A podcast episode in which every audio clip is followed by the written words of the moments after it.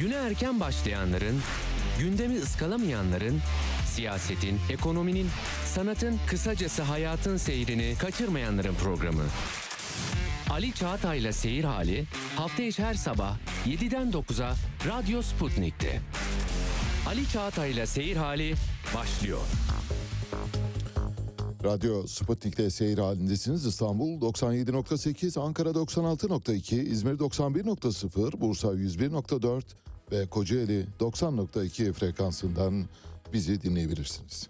Tombe la neige, tu ne viendras pas ce soir. Tombe la neige, et mon cœur s'habille de noir. Ce soyeux cortège, tout en larmes blanches, l'oiseau sur la branche pleure le sortilège. Tu ne viendras pas ce soir.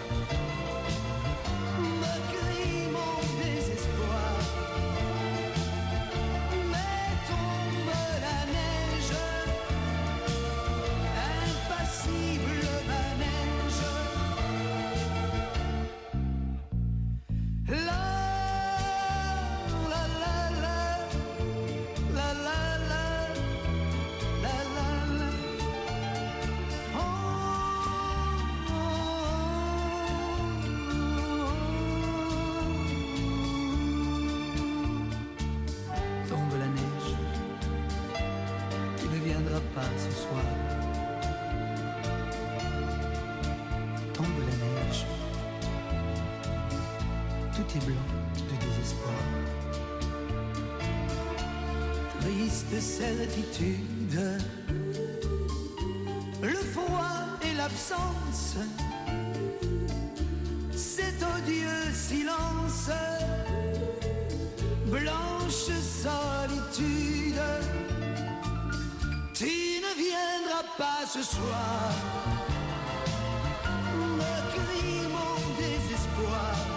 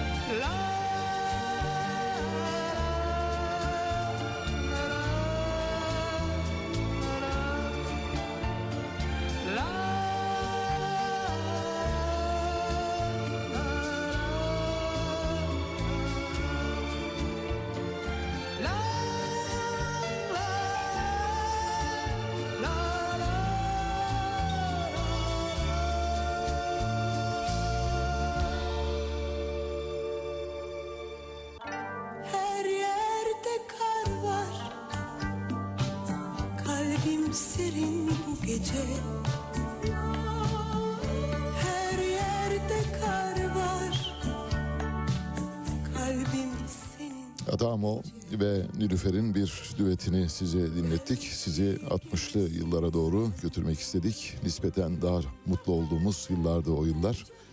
O yıllardan ağzımızda, damağımızda kalan tadı hep birlikte yaşayalım istedik.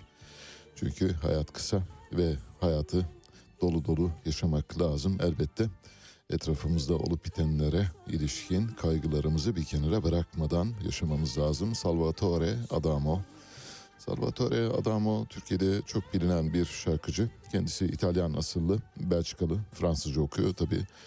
Bir frankofon aynı zamanda Türkiye'de çok meşhur, çok biliniyor. Fecri Ebicioğlu ve Sezen Cumhur Önal'ın uyarlamalarıyla, aranjmanlarıyla Türkçe'ye kazandırmış bir sanatçı. Türkçe'de okudu. Biraz önce dinlediğiniz parçayı Türkçe'de kendisi terennüm etmiş durumda. Her yerde kar var. Çok bilinen parçalarından bir tanesi de Karlar Düşer. Onu da Akrep Nalan okumuştu. Sen Sevme Beni şarkısını da Alpay'dan dinlemiştik. Ajda Pekkan'dan Alpay'a kadar, e, Nilüfer'e kadar pek çok kimsenin şarkılarını seslendirdiği bir sanatçıdan bahsediyoruz. Bizden biri aslında Salvatore Adamo. Her yerde kar varı dinledik. Başlıyoruz. Öncelikle ulusumuza bir kez daha başsağlığı diliyoruz.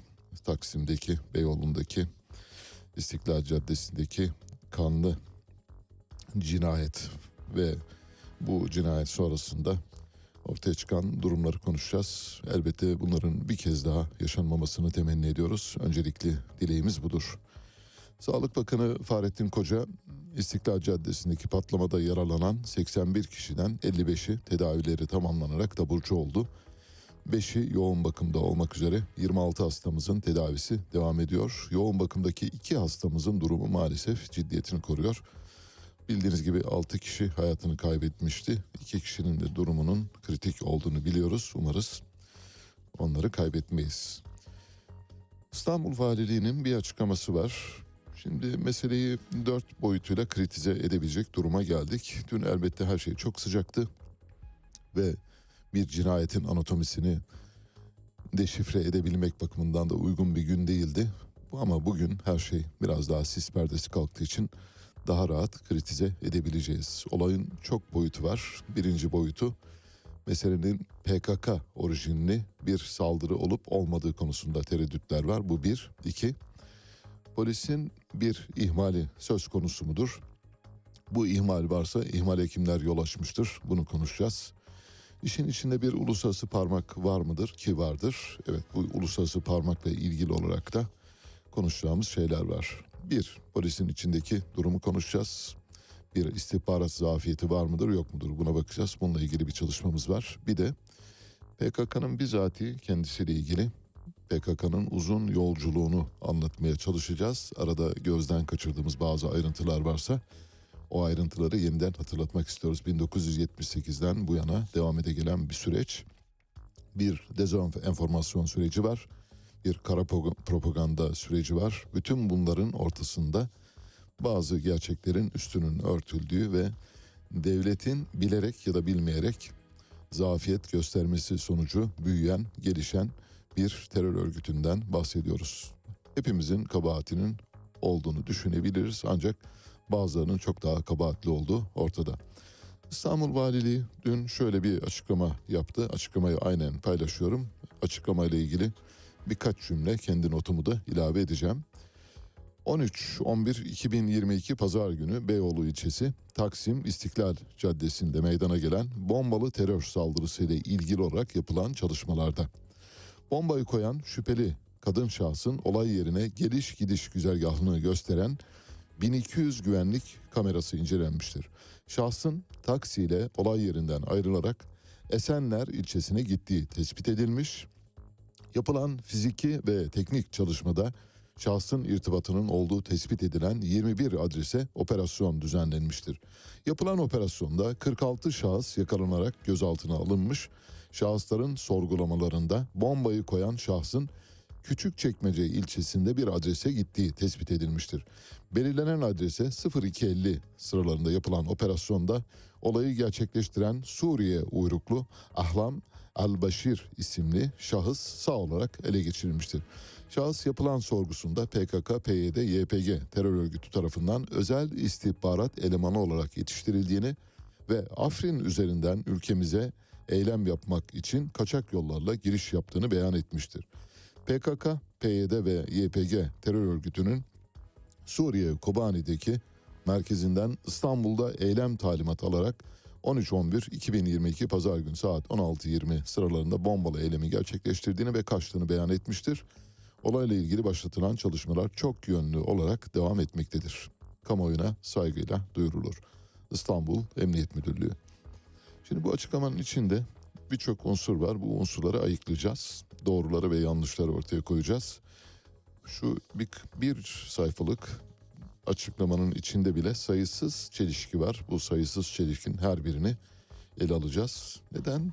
Elbette bir hafiye ruhuyla hareket etmiyoruz. Sadece karanlıkta kalan noktalara işaret ederek oralara mercek tutacağız, aydınlatmaya çalışacağız. Çünkü Başka türlü bu karanlık dehlizden kurtulmamız mümkün değil.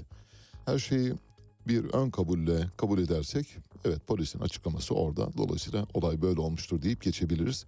İşte öyle geçmemek için ve bundan sonra benzeri şeyleri yaşamamak için biraz derinlemesine irdeleme yapmak zorundayız. Birazdan çok muhteşem bir dosya çalışmasıyla, dört başıyla, her şeyiyle, PKK'sıyla, polis teşkilatıyla, istihbaratıyla, geçmişiyle, bugünüyle ve dünüyle her şeyi konuşacağız. Süleyman Soylu, İçişleri Bakanı, yaşanan patlama konusunda şöyle dedi. Bugün Amerika tarafından yapılan taziye mesajını da katilin olay yerine ilk gelenlerden birisi olduğu gibi değerlendirmenin esas olduğunu ben düşünüyorum dedi.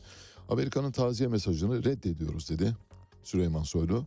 Bu Amerika Birleşik Devletleri'nin doğrudan meselenin içinde olduğu anlamını taşıyor. Ülkenin İçişleri Bakanı Amerika'nın taziye mesajını reddediyoruz dediğine göre bildiği çok önemli şeyler olabilir. Önce isterseniz biraz geriye gidelim. Süleyman Soylu geçmişte bundan çok e, uzun olmayan bir süre içinde bir zaman diliminde PKK terör örgütüyle ilgili şöyle demişti. Lütfen orayı dikkatle izleyiniz. Birazdan ses kaydını da dinleteceğiz. Şu anda ülke içinde 120 terörist var demişti ve bunların her birini ayakkabı numaralarına kadar biliyoruz demişti. Şimdi dün öldürülen daha doğrusu yakalanan teröristle birlikte dolayısıyla 119 kişi kaldığını ima edebiliriz. Ve geri kalan hepsinin de ayakkabı numarasına kadar bildiklerini düşünebiliriz. Ama bunun tabii bir söylemden, bir e, genel geçer bir durumdan, bir yasak savunmadan ibaret olduğunu biliyoruz. Böyle bir şey olmuş olsaydı bu terör eylemi işlenmezdi. Terör eyleminin PKK kaynaklı olup olmadığı konusunda da kafalarda soru işaretleri var. Diyelim ki PKK kaynaklı olduğu konusunda somut işaretler var. O zaman bu 120 kişi ve ayakkabı numaralarına kadar bildiğiniz kişilerden birisi ise neden yakalamadınız diye soruyoruz. Mağarada saklanıyorlar. Ayakkabı numaralarına kadar biliyoruz. Hiç kimsenin bir endişesi yok. Adım atamıyorlar. Kıpırdayamıyorlar da kıpırdayamayacaklar. da. Bundan 4 yıl önce, 5 yıl önce başkan bunlar kıpırdayamayacaklar. Görüyorsunuz. İHA'lar, SİHA'lar dediğim zaman Cumhuriyet Gazetesi'nden Sözcü Gazetesi'ne kadar, yazarlarına kadar benimle dalga geçtiler. Oysa ben elimizdeki kabiliyetleri siz bilmez misiniz kendi işinizin kabiliyetleri nereye gidiyor? Elimizdeki kabiliyetlerin nereye gittiğini gördüğümüz için ben bunu söyledim. Farklı bir şey söylemem. Ama bugün bu durumdayız. Sınırlarımızın dışında da bu durumdayız. Bu vesileyle hepinize Allah bol kazançlı, helal kazançlı, güzel kazançlı günler nasip etsin. Evet. Açıklama ortada. Çok e, üzerinden uzun zaman geçmeden e, yapılmış bir açıklamaydı. Uzun zaman geçmeyen bir açıklama. 120 terörist var. Hepsini ayakkabı numaralarına kadar biliyoruz dedi. Ayrıca bu açıklamayı yaptığı için pek çok yayın organının özellikle muhalif yayın organlarının kendisiyle alay ettiğini de öne sürdü. Eğer gerçekten 120 terörist olduğunu biliyorsanız ve bunları da yakından takip ediyorsanız bu terör eyleminin olmaması gerekirdi. Burada İçişleri Bakanlığı'nın aslında böyle boş bir övünme içinde olduğunu görüyoruz. Dün aynı İçişleri Bakanı bu defa şimşekleri başka yere doğru çekti ve Amerikan Büyükelçisi'nin taziyesini kabul etmediğini ilan etti. Biz bize verilen mesajı biliyoruz. Bize verilen mesajı aldık. Ee, ve bize verilen mesajın ne olduğunu da biliyoruz. Tekrar ifade ediyorum altını çizerek. Amerikan Büyükelçiliğinin taziye dilemesini kabul etmiyoruz, reddediyoruz. Ve e, Kobani terör bölgelerini besleyen ve oradan Türkiye'nin huzurunu bozmaya çalışan bu anlayışa kendi senatolarından para gönderen bir devletle biz müttefikliğimiz elbette ki tartışılmalıdır. Bu kadar açık net. Yani biz kimsenin düşmanı değiliz. Kimsenin topraklarında gözümüz yok. Kimseye kalleşlik yapmıyoruz ama bu kalleşliklere elbette ki tahammül edecek gücümüzün kalmadığını ifade etmek istiyorum. İstiklal Caddesi bizim nazlı kızımızdır. Bize ne cevap verildiğini ne mesaj verildiğini iyi bir şekilde biliyoruz. Evet. Amerika Birleşik Devletleri'ni doğrudan karşısına alan bir açıklamaydı. Bakalım Amerika Birleşik Devletleri'nden nasıl açıklamalar gelecek buna karşılık. Şimdi polis e, bültenine göre yani İstanbul Emniyet Müdürlüğü'nün açıklamasına göre söz konusu kişi Afrin'den gelerek e, Türkiye'de eylem yapmıştır deniyor. Oysa Küçükçekmece'de söz konusu kişinin teröristin Kapı komşularından birine dün mikrofon tutuldu. Aynen şöyle diyor.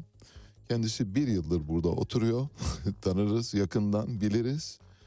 Ama dün Afrin'den geldiğine dair herhangi bir şeye sahip değiliz diyor. Şimdi bir yıldır orada oturan bir kişiden bahsediyoruz. Üstelik sosyal medya hesapları var, Instagram hesabı var. Pek çok konuda bir normal Türk vatandaşı gibi yaşıyor. Dolayısıyla kafalarda bir soru işareti var. Afrin'den gelip gelmediği. Birazdan Afrin'den gelip gelemeyeceğini zaten konuşacağız. Ancak önce bir kulak verelim. Bir yıldan beri bu ikamette oturuyor. Evet. Ve Suriyelilerin şeysi vardı. Güdü paket şey, iş yeri vardı. Orada Evet. çalışıyordu kendisi. Benden iki üç defa alışverişler bulundu. İki gün önce mahallemin kasabında şey yaptı. Alışveriş yapmış.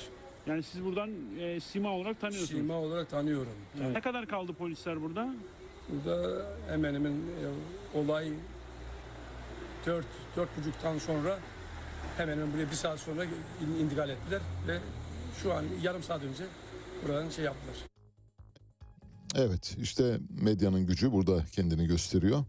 Bu röportaj yapılmamış olsaydı herkes teröristin Afrin'den dün geldiğini ve önceki günde eylemi gerçekleştirdiğini düşünecekti. Oy- Oysa bir yıldır orada yaşayan küçük çekmecede mahalle sakinleri tarafından tanınan, bilinen hangi kasaba gittiğini, haftada kaç kilo et aldığını bilen insanlar var. Bu durumda Afrin'den dün gelmemiş. Bu belli. Bir defa burada bir yanıltmaca söz konusu. Bunu bir kenara yazıyoruz. PKK'lı olup olmadığı konusunda da küçük bir yanıltmaca var. Onu da birazdan söyleyeceğiz. Bu arada e, İçişleri Bakanı Süleyman Soylu Amerika'nın taziyesini kabul etmeyip Amerika'yı doğrudan bir e, hedef olarak gösterirken Genelkurmay Başkanı Orgeneral Yaşar Güler, Amerikalı Genelkurmay Başkanı, Amerikan Genelkurmay Başkanı Orgeneral Mark Miley ile görüştü ve telefon görüşmesi sonunda Amerikan Genelkurmay Başkanı sözcüsü Albay Dave Butler şöyle dedi. Genelkurmay Başkanı Orgeneral Mark Milley bugün Türk Silahlı Kuvvetleri Genelkurmay Başkanı Orgeneral Yaşar Gürel'le İstanbul'daki son terör saldırısını ele aldı. İkili askeri ilişkilerimizin gücünü yeniden teyit etti dedi. İçişleri Bakanı suçluyor. Genelkurmay Başkanı Amerikan Genelkurmay Başkanı ile muhatabıyla görüşmeler yapıyor. Elbette bu bir diplomatik çabadır onu biliyoruz. Yani bugün görüşmüş olması altında ne olup bittiğini anlamaya yöneliktir. Ancak Süleyman Soylu'nun ifadesi son derece açık. Doğrudan Amerika'yı hedef gösteriyor. Elbette Amerika'nın bu olayı bizatihi tezgahladığını söylemiyor. Sadece Amerika'nın bugüne kadar başta Amerika olmak üzere batılı ülkelerin PKK'yı finanse ettiklerini, finanse edilen bu örgütün de Türkiye'de eylemler yaptığını ifade ediyor. Buraya kadar anlaştık ama kafamızdaki soru işaretlerini şimdi tekrar bir gözden geçirelim. Bir, terörist Afrin'den dün gelmemiş. İki, birazdan söyleyeceğiz. Çok özür dileyerek e, maalesef yani insanın böyle kendini kontrol edemeyip sinirden güldüğü anlardan biridir. Afrin 2014 yılından beri neredeyse Türk Silahlı Kuvvetleri'nin kontrolünde. Yani 2014'te girdik, 2018'de orada mührümüzü bastık ve Afrin'i biz kontrol altına aldık. Türk Silahlı Kuvvetleri'nin kontrolü altında olan bir bölgeden. Diyelim ki terörist dün geldi. Dün gelmediği ortada. Biraz önceki kayıttan anlıyoruz ki bir yıldır orada yaşıyormuş. Normal vatandaş gibi hayatını sürdürüyormuş. Hadi diyelim ki dün geldi. Peki dün geldiği bölge neresi? Afrin. Afrin neresi? Hatay'ın hemen güneyinde bize kuş uçuşu bir mesafedeki yerden bahsediyoruz. Kontrol kimin elinde? Türk Silahlı Kuvvetleri'nin elinde. Peki Türk Silahlı Kuvvetleri orada ne yapıyor? Mesela bu tür terörist faaliyetlere nasıl izin veriyor? Elini kolunu sallayarak herkes oradan buraya geçebilir mi? İki tane önemli yanlışı tespit ettik. Bir, terörist Afrin'den dün gelmemiş. İki, Afrin'den geldiyse orada Türk Silahlı Kuvvetleri acaba terörist geçişine izin veriyor mu? Ya da terörist geçişi konusunda bir zafiyet yaşıyor mu yaşamıyor mu? Da iki tane soruyu ortaya attık. Bu arada Ümit Özdağ, Zafer Partisi Genel Başkanı şöyle dedi. İçişleri Bakanı Soylu'nun açıklamalarıyla benim edindiğim bilgiler farklı diyor. Ne olduğunu söylemedi ama bilgilerin farklı olduğunu ifade ediyor. Biz de zaten biraz önce bazı bilgileri paylaştığımızda Süleyman Soylu'nun elindeki bilgilerin pek çoğunun doğru olmadığını anlıyoruz. Şimdi Afrin'den geldi diyorsunuz. Afrin'den gelmediği belli. Bir yıldır orada yaşıyor Küçükçekmece'de. Ailesi var. Kasaptan kaç kilo et aldığını bilen insanlar var. Dolayısıyla aklımızda alay ediliyor birazcık. Afrin Türk Silahlı Kuvvetleri'nin kontrolünde. E, Mersin saldırganlarının da bildiğiniz gibi paramotorla geldiklerini ifade etmişti Süleyman Soylu.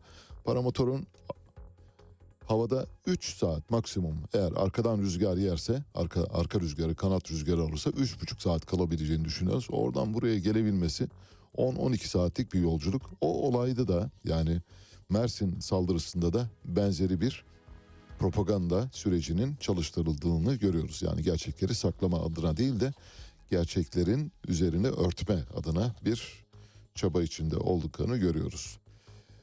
Bekir Bozdağ Adalet Bakanı şöyle dedi. Lütfen dikkatle dinleyiniz. Koskoca Adalet Bakanı'nın olaya ilişkin tahlili. Yani sıradan şuradan herhangi bir dolmuş kahyasını çevirin. Bundan çok daha iyi yorumlar yapar.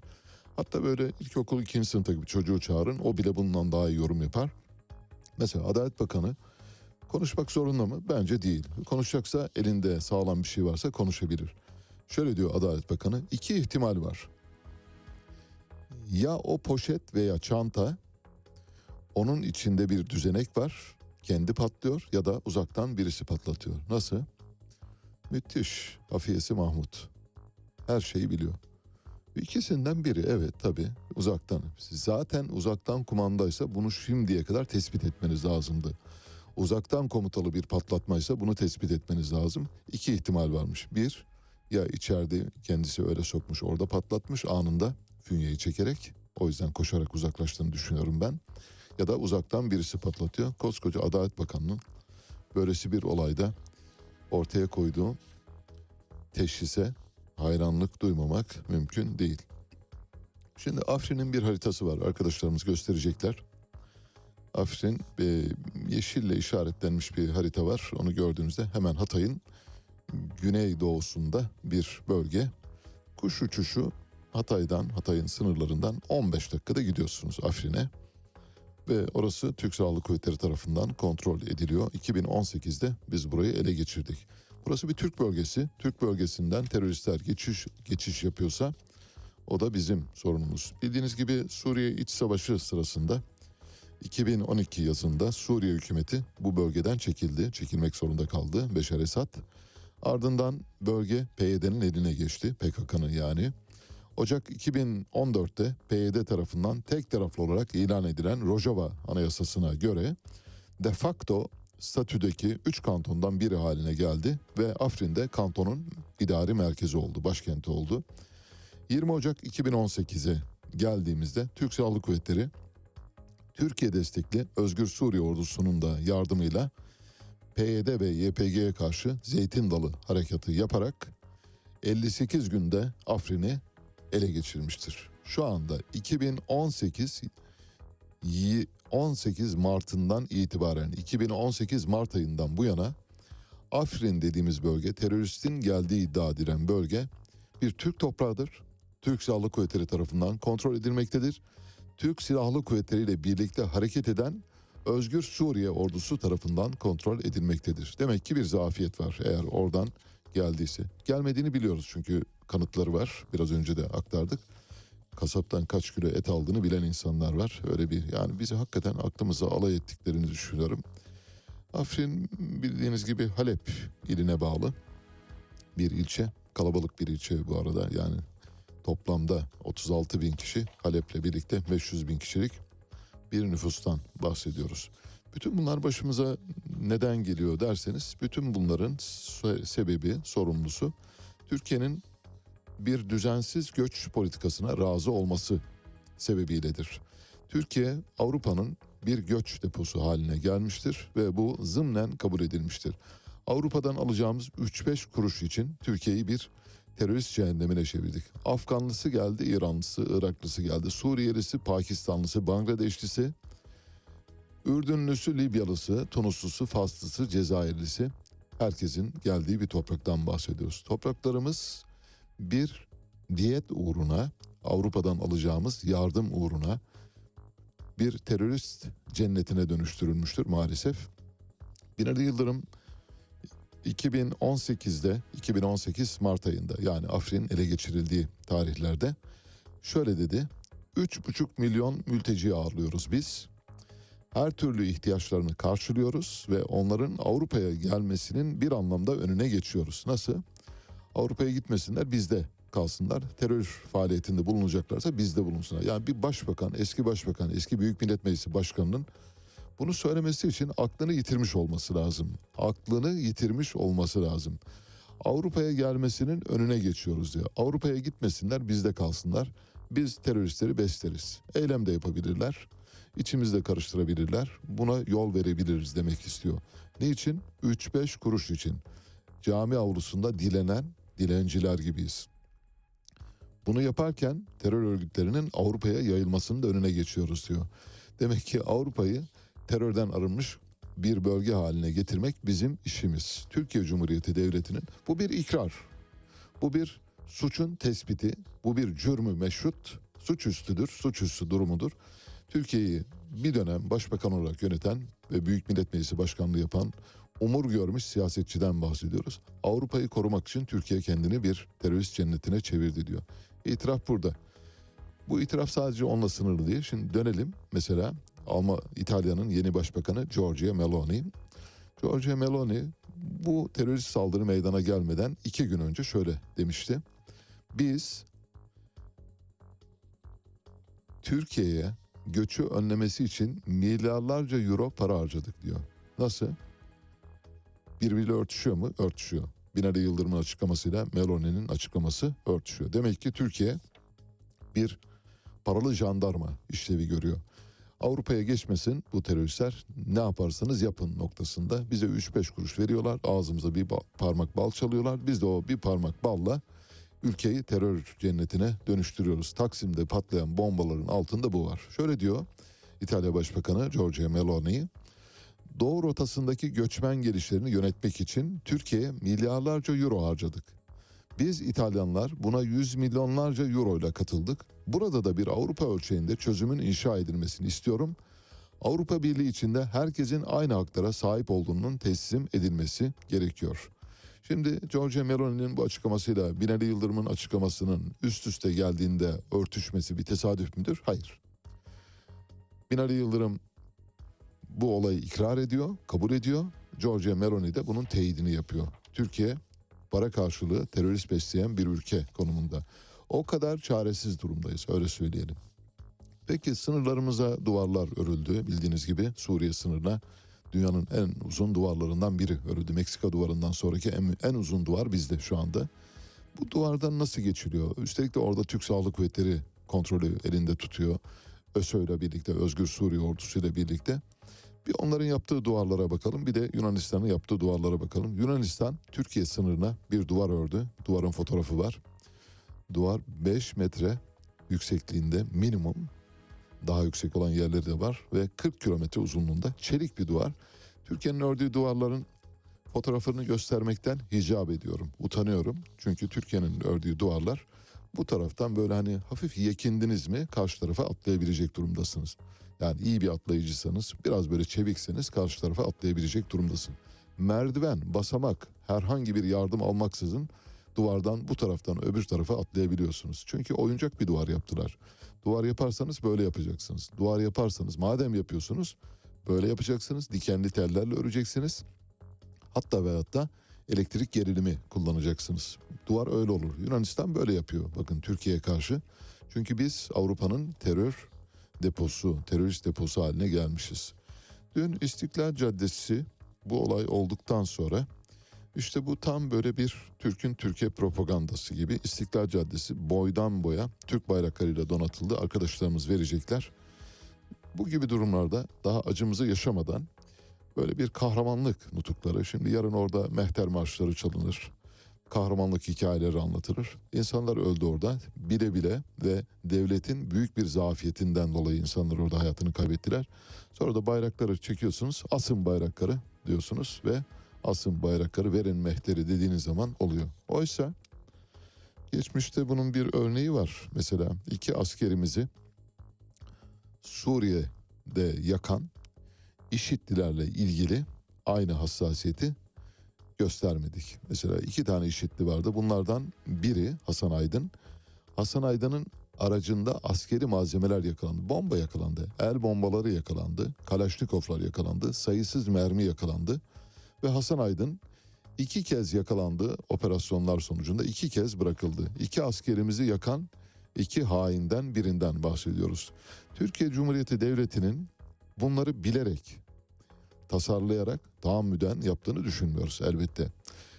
Hmm, Kazara yapılıyorsa bu da büyük bir zafiyet. Zaten bunun da bağışlanabilir tarafı yok. Eğer terörist hakikaten bir yıldır küçük çekmecede yaşıyorsa ve terör e, eylemi yapıyorsa demek ki polisimiz uyuyor.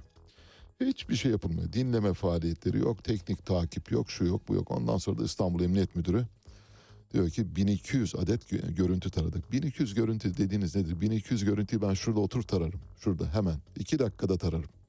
2 dakika sürmez. 1200. Hani böyle sayıyı abartıyorlar.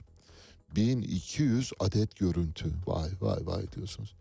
Şimdi şurada oturup 1200 görüntüyü tararım ve bir kişiyi arıyorsam o görüntüyü bulur. Yüz tanıma sistemiyle size gösterebilirim. Tek başıma yapabilirim bunu. Koskoca polis teşkilatından bahsediyoruz. 330 bin kişilik polis teşkilatından bahsediyoruz. 320 bin kişilik jandarma teşkilatından bahsediyoruz. Milli İstihbarat Teşkilatı'ndan bahsediyoruz. Üstüne ne koyarsanız koyun artık. Böylesine bir zafiyet olabilir mi? 1200 görüntü. Ya tabii. Çok görünüyor değil mi gözünüze? 1200 görüntü. Hiçbir şey. Sizin o 1200 görüntüyü taramakla ulaştığınız teröristin bir yıldır orada nasıl yaşadığını tespit etmeniz gerekiyordu. Bugüne kadar yapılması gereken oydu. Bir zafiyet var. Bu zafiyetin altında kim var bilmiyoruz. Şimdi İstanbul Emniyet Müdürü ile İçişleri Bakanı Süleyman Soylu arasında biraz gerilim var. Bu gerilimin geçmişteki izlerini biliyoruz. Bundan birkaç gün önce bildiğiniz gibi İstanbul Emniyet Müdürü İçişleri Bakanı Süleyman Soylu'nun katıldığı bir toplantıda. Süleyman Soylu Zafer Aktaş'a soruyor. İstanbul Emniyet Müdürü'ne diyor ki bu tür operasyonları bana neden haber vermiyorsunuz? Bir uyuşturucu operasyonundan bahsediyor. Bir mafya operasyonundan bahsediyor. Emniyet Müdürü'nün İçişleri Bakanı'na verdiği cevap şöyle oluyor. Size haber verdiğimiz zaman bilgi sızması oluyor diyor. Ha, nasıl? Köstebek. İçişleri Bakanı ya açıkça öyle söylüyor. İçişleri Bakanı Köstebek.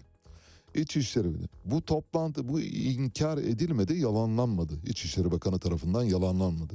Demek ki büyük bir zafiyet var. Bu zafiyetin kaynağı da İçişleri Bakanı'nın bizzati kendisi. Zafer Aktaş iyi bir polis memuru bence, iyi bir polis müdürü.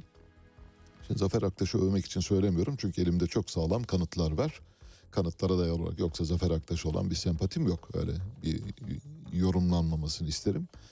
Zafer Aktaş'ı biz nereden hatırlıyoruz? Bildiğiniz gibi 1999 yılında Türkiye'de belki de ilk kez emniyet ve istihbarat teşkilatları bir rapor hazırladılar.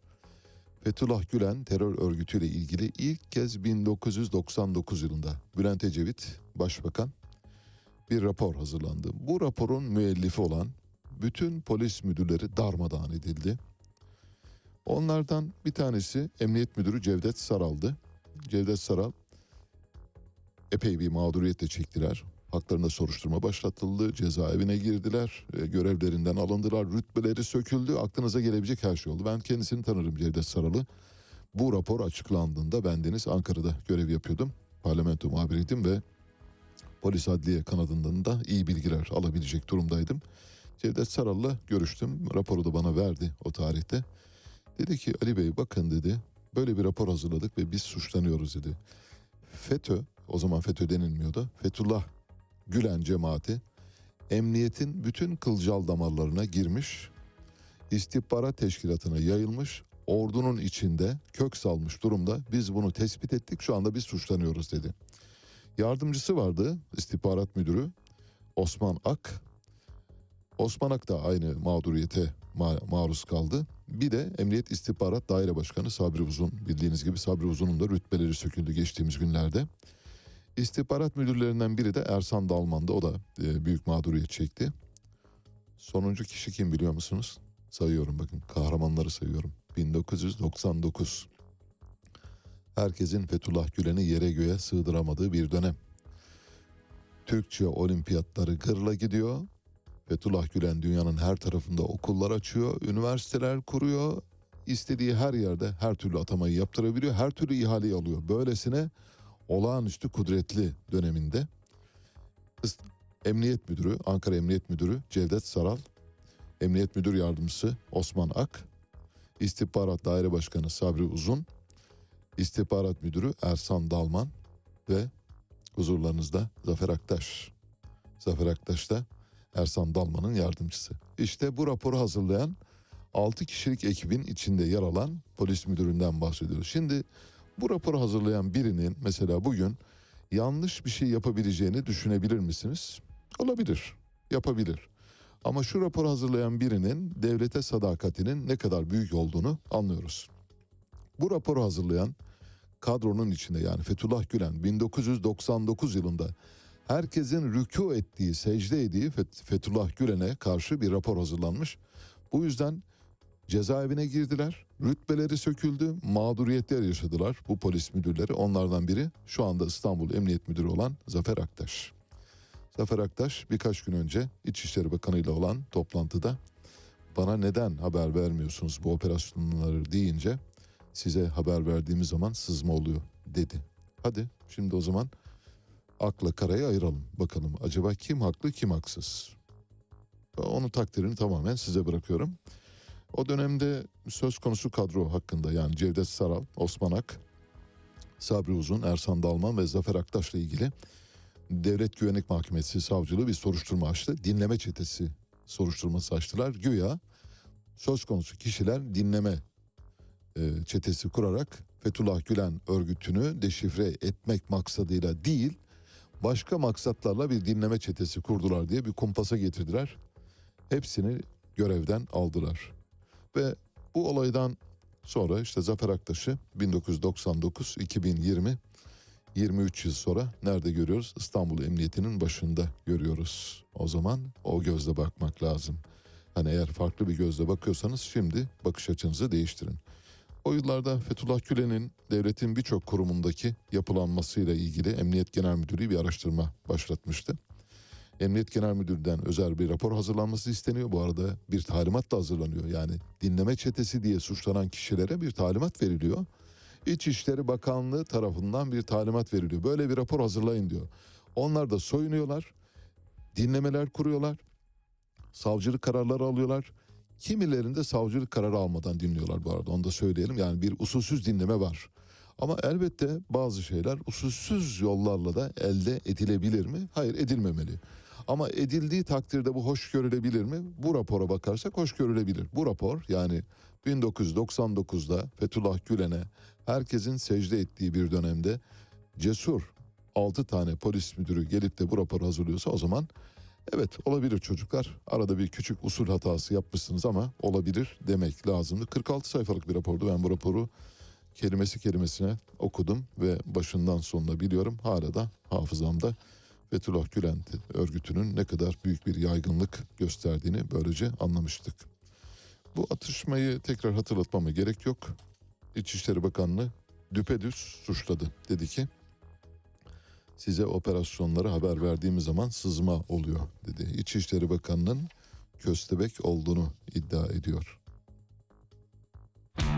Enflasyon bir armut gibi böyle olgunlaşıp daldan düşebilecek bir data değildir dedi. Şimdi fiyatlar düzeyi belli bir seviyeye kadar ulaştığında hepimizin günlük hayatında biz ne yapıyoruz? İşte bir bardak 10 lira, yarın 15 lira oluyor, öbür gün 20 lira oluyor. Siz eskiden altılı bir bardak alırken üçlüye dönüyorsunuz, ikiliye dönüyorsunuz. Talep burada azaldığında belki enflasyonun belli bir noktada durması sonucu oluşabilir. Enflasyon bir armut değildir. Olgunlaşıp dalından düşmesini beklemeyiniz değil mi? Bunu bir e, motto olarak yazmak lazım. Peki şimdi e, taraflardan birini belirledik. Yani polisin içinde bu konudaki kafa karışıklığı ve polisin içinde kim kiminle nasıl mücadele ediyor bunu anladık. Bu saldırının arka planında bir defa polis içindeki bu güç çekişmesinin önemli bir rol oynadığını ifade edebiliriz. Bu işin polis kanadı. Dönelim bir de PKK kanadına bakalım. Acaba PKK terör örgütü gerçekten böyle her söylediğine güvenilebilir mi? Yani bu eylemi biz yapmadık dedi mesela. Şimdi bu eylemi biz yapmadık deyince oldu tamam biz de inandık evet PKK yapmadı. PKK'nın yapıp yapmadığı hiç önemli değil. Önemli olan terör e- eyleminin soruşturulmasıdır. Kim tarafından yapıldığının ortaya çıkarılmasıdır. Uydurulmuş tanıklarla sanıklarla bir yere varılamayacağını biliyoruz. Bir gece vakti saat 2.50'de çıkıyorsunuz. 1200 görüntü taradığınızı iddia ederek orada da İstanbul Emniyet Müdürlüğü'nü itham ediyorum. 1200 görüntü tarayarak e, adrese ulaştığınızı belirtiyorsunuz. Çocuk oyuncağı bu. Böyle bir şey yok. Yani bizi kandırmayın. 1200 görüntüyü biz de tararız. Şuradan bir tane verelim bilişim operatörüne. Çok rahat tarar. Yüz şeyleri tanıma yöntemiyle de çıkarabilir. O yüzden aklımızda alay edildiğini düşünüyoruz. Biz tabii memleketin içinde bulunduğu duruma üzüldüğümüz için elbette daha te- temkinli konuşmaya çalışıyorum. Yoksa söylenebilecek çok şey var. PKK'nın giriştiği büyük terör eylemlerinden bir tanesini hatırlatacağım şimdi size. 1993 yılında Bingöl saldırısı oldu. Bildiğiniz gibi Elazığ Bingöl karayolunda askeri birliklerine, acemi birliklerinden usta birliklerine gitmek üzere otobüse bindirilen 33 asker 1993 yılında Bingöl Elazığ karayolunda PKK tarafından durduruldu. Ben bu olayın olduğu yeri biliyorum. Çok yakın bir zamanda bir yıl önce, bir yıldan daha kısa zaman önce Bingöl'e gittim bir vesileyle. Bingöl'de geçerken bizi gezdiren kişi oradaki bir e, arkadaşımız dedi ki Ali Bey dedi 33 askerin şehit edildiği yer burası dedi. 33 tane bayrak var orada. Gönderlere bayrak çekilmiş her biri için. Orası bir anıt mezar haline getirilmiş anıları için. İstiklal Caddesi'ne de bayrak asıyoruz ya orada da bayrak asıyoruz unutuluyor. Yani bayrak astık tamam öyle değil. Çok dehşet verici bir şey söyledi bana. Biliyor musunuz dedi Ali Bey bu olayın cadde yani o yolun üzerindeyiz. Karayolunun üzerindeyiz. Tam burada oldu dedi. Zaten bayraklar da karşıda. Biliyor musunuz dedi. Buraya en yakın karakol bir kilometre ötede. Karakoldan baktığınız zaman burayı görüyorsunuz dedi. Buraya en yakın karakol bir kilometre ötede. PKK yol kesiyor. 33 askeri alıyor, götürüyor ve bir yerde kurşuna diziyor. Karakoldan bakanlar seyrediyorlar. Nasıl? Şimdi mesela o gün o dönemde bu karakolda görev yapan rütbeli askerler sorgulandı mı bilmiyoruz. Bir kilometre gösterdi karakolunda yani o zaman tabii mevcut olan karakoldan bahsediyor. Sonradan muhtemelen karakollar yer değiştirmiş gösterdi. Tam bir kilometredir. Buradan baktığınız zaman görünüyor. Nitekim karakollar biliyorsunuz bir vadiye nazır bir şekilde kurulurlar. Yani karakol böyle bir yukarıdan kuş bakışı görülebilecek yerde teröristi ya da terör faaliyetlerini daha iyi rasat edebilmek için yukarıda kurulur. Karakol gibi düşünün.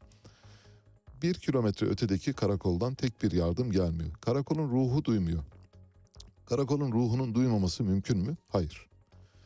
Bu istihbarat zafiyeti ve yönetim zafiyetinden bahsediyoruz. PKK terör eylemlerine o yıllarda bilerek ya da bilmeyerek, isteyerek ya da istemeyerek yol veren insanlar vardı. Bunların içinde askerler de vardı. 33 askeri bir de 3 öğretmen vardı aynı arabayla giden otobüste, minibüslerle gidiyorlardı. İndirdiler ve 300 kişilik bir PKK grubuydu. İkiye bölünmüştü. 150'si bir yerde, 150'si bir yerde. 150'si burada Elazığ Bingöl karayolunda yol çevirme yapıyorlar. Ve askerleri indirdiler. Malatya İl Jandarma Komutanlığı'ndan gelen iki minibüs siyah giysili, sivil giysili Bingöl Jandarma Komutanlığı'na yola çıkarıldı. 15. kilometrede Elazığ Bingöl Karayolu'nun 15. kilometre. Ben orayı biliyorum, gördüm ve karakolla yol arasındaki mesafenin de ne kadar yakın olduğunu. Yani oradan seslenseniz bir kuş cıvıltısı bile oradan duyulabilir. O kadar net. Ve 36 askerimiz o gün ne yapıldı? Öldürüldü. Bu operasyonu kim yaptı? 33 askerin şehit edilmesi olayını müsebbibi kimdir? Parmaksız Zeki kod adlı Şemdin Sakık. Şemdin Sakık kim? Ergenekon, balyoz, irtica, eylem planı, eldiven, yakamoz, ayışı davalarında gizli tanık. Nasıl? Eylemi yaptığını biliyorsunuz. Şemdin Sakın bu eylemin bizzati, bizzati emrini veren kişi olduğunu biliyorsunuz. Ama sonra dönüp aynı kişiden gizli tanık olarak yararlanıyorsunuz. Bu bir PKK operasyonu değil FETÖ operasyonu. Yani Şemdin Sakın gizli tanık olarak kullanılması FETÖ savcılarının dayattığı, direttiği bir şeydir. Dolayısıyla işin içinde başka şeyler var. Yani meseleyi getirip PKK'ya ve oradan FETÖ'ye bağlayacağım. O sebeple bu kadar uzun gidiyorum. 1990'lı yılların ortasında Ankara'da gazeteci İsmet İmset bir kitap yazdı. İsmet İmset Turkish Daily News gazetesinde çalışıyordu. İsmet İmset önemli TRT spikerlerinden Ülkü Giray İmset'in oğlu kendisi. İsmet İmset'in babası da istihbari çalışmalarda görev alan yani MIT'ten demiyorum ama istihbaratçı olduğu konusunda yaygın bir kanaat vardı. İsmet İmset bir kitap yazdı. The PKK adını taşıyan bir kitap yazdı. The PKK kitabı önce İngilizce çıktı. Bütün Avrupa'ya dağıldı. Sonra da Türkçe'ye çevrildi. Ben bu kitap çıktığı zaman Türkçe'ye Türkçe baskısı yapıldığı zaman kendisiyle bir röportaj yaptım. O zaman çay yolunda oturuyordu. Röportajı yaptım. Dedim ki bu saldırı Elazığ Bingöl karayolundaki saldırı ile ilgili olarak mesela çünkü Abdullah Öcalan'la o zaman arkadaş gibi konuşuyor gazeteciler. Mehmet Ali Birantlar falan herkes konuşuyor. Herkes e, Fatih Altaylı falan böyle mangalda su bırakmayan, kül bırakmayan herkes e, sağdan gidiyorsunuz e, şeyi buluyorsunuz Beka Vadisi'ne sizi alıp götürüyorlar. Abdullah Öcalan'a röportajlar yapıyorsunuz. Bir milli kahraman gibiydi öyle bakılıyordu. Dedim ki Abdullah Öcalan'a sordunuz mu bu Elazığ Bingöl karayolundaki saldırıyı kim yaptı? Sordum dedi. O saldırıyı Hoger yaptı dedi. Hoger kim? Hoger 1995 yılında Almanya'da öldürüldü. Bir itirafçıydı. Ee, kod adı Hoger. Öldürüldü. Hoger'e emri veren kim? Şemdin Sakık. Peki bütün bunlardan Abdullah Öcalan'ın haberinin olmaması mümkün mü? Hayır. Şimdi silsileye bakın. Bir kitap yazılıyor. Kitabı yazan gazeteci İsmet İmset, babası istihbaratçı, Kitabı yazan gazetecinin çalıştığı yayın organı Turkish Daily News. Turkish Daily News'in sahibi İlhan Çevik, onun oğlu İlnur Çevik. İlnur Çevik, Barzani'nin hempası. Kuzey Irak'ta sayısız yatırımlar yapıyor. Şu anda da Sayın Cumhurbaşkanı'nın başdanışmanı. Nasıl? Şahane. Bundan daha tatlı bir hikaye olamaz. Her şey gün gibi ayan beyan ortada. 33 askerimiz öldü. Oraya 33 tane bayrak diktiler göndere. Dalgalanıyor. Şehitlerimizin ruhuna bir de anıt mezar yaptılar. Şimdi onların ruhu muazzeptir bence. Azap içindedir ruhları. Tıpkı İstiklal Caddesi'ne böyle bayrakla donattığınızda insanların ruhlarının azap içinde olmasını engelleyemeyeceğiniz gibi. Her şey çok açık. Türkiye'de bence hiçbir şey gün ışığına çıkarılamaz değil. Sadece konuşulmuyor, anlatılmıyor. İşte benim biraz önce anlattığım hikayeden, e, hikaye derken hepsinin somut kanıtları var. Bizzati bu dönemin aktif gazetecilerinden biriydim. Bütün süreci çok yakından takip ettim. Hatta Genelkurmay'ın Beka Vadisi boşaltılması operasyonu sonrasında bir grup gazeteci davet edildi. Onların arasında ben de vardım. Beka Vadisi PKK tarafından boşaltıldıktan sonra oraya bir gezi düzenledi. Jandarma Genel Komutanlığı bir organizasyonuyla ben denize gittim. İşte yanmış yıkılmış falan yerler. Oralardan ipucu toplamaya çalıştılar e, askerler. Öylesine bir gösteriydi. Bunların hepsi böyle yasak savma kabilinden olaylar. Bekaya gezi düzenliyorsunuz. Peki niye yapıyorsunuz? Hiç. Bir sebep var mı? Yok. Bir süre sonra zaten biz gittikten sonra Bekaya tekrar girip yerleştiler. Bunu da biliyoruz mesela. Biliyorum. Öğrendim. Yani biz oradan ayrıldıktan birkaç ay sonra tekrar PKK Beka Vadisi'ne döndü. Her şey bir dümen, tezgah. Bu tezgahın içindeyiz ama sadece ifade edemiyoruz, edilmiyor. İfade edilmediği için de herkesin böyle bir şekilde bunu kabul ettiğini düşünüyoruz. Askerlerin aracının durdurulduğu yerle karakol arasındaki mesafe bir kilometre kuş uçuşu. Aşağıdan bir kuş cıvıldasa, bir kurbağa yaklasa duyulur. 33 askeri alıp götürürken tek bir kimsenin gıkı çıkmıyor orada. Demek ki her şeyin arkasında başka bir şey var. Öyle mesele göründüğü kadar basit değil. Peki devam edeceğiz. 8'den sonra size bir de PKK anlatacağım. PKK terör örgütü nedir diye merak ediyorsanız onun da bir az bilinen hikayesini anlatmaya çalışacağım. Biraz önce Elazığ Bingöl Karayolu'ndaki hikayenin arka planını, gerçek hikayesini sizinle paylaştım.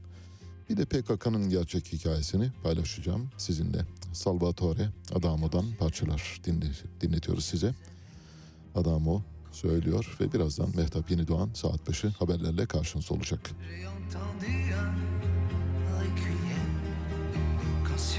Je me suis penché.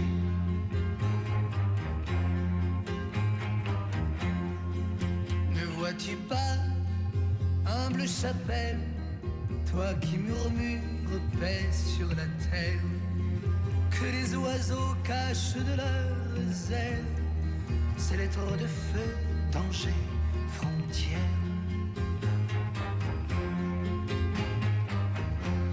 Le chemin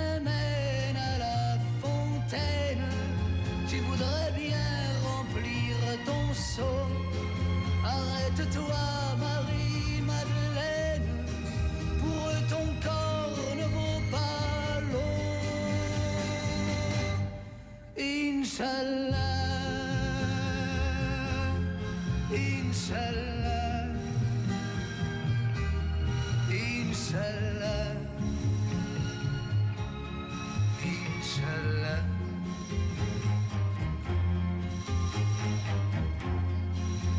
Et l'olivier pleurait son ombre, sa tendre épouse, son amie, qui reposait sur les décombres, prisonnière en terre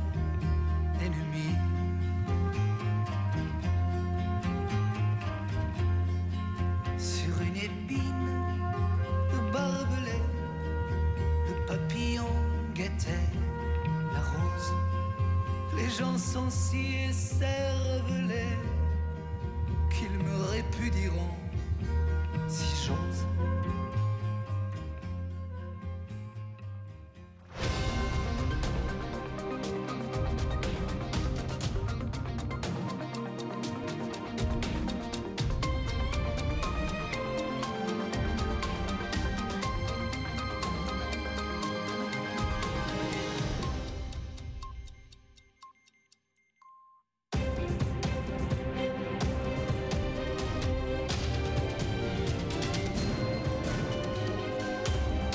Radyo Sputnik. Anlatılmayanları anlatıyoruz. Saat 8 İstanbul stüdyolarından gündemden gelişmeleri aktarıyoruz. Ben Mehtap Yenidoğan. Önce özetler. İstanbul İstiklal Caddesi'ndeki saldırıyı gerçekleştiren Suriye uyruklu terörist Ahlam Elbeşir yakalandı. İstiklal Caddesi'ndeki saldırıda hayatını kaybedenlere dün veda edildi.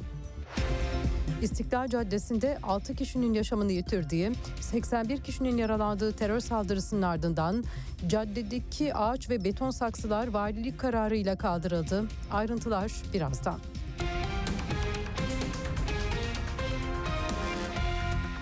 Türkiye, İstanbul İstiklal Caddesi'ndeki bombalı saldırının yasını tutuyor. Saldırıda yaşamını yitiren 6 kişi için cenaze törenleri düzenlendi.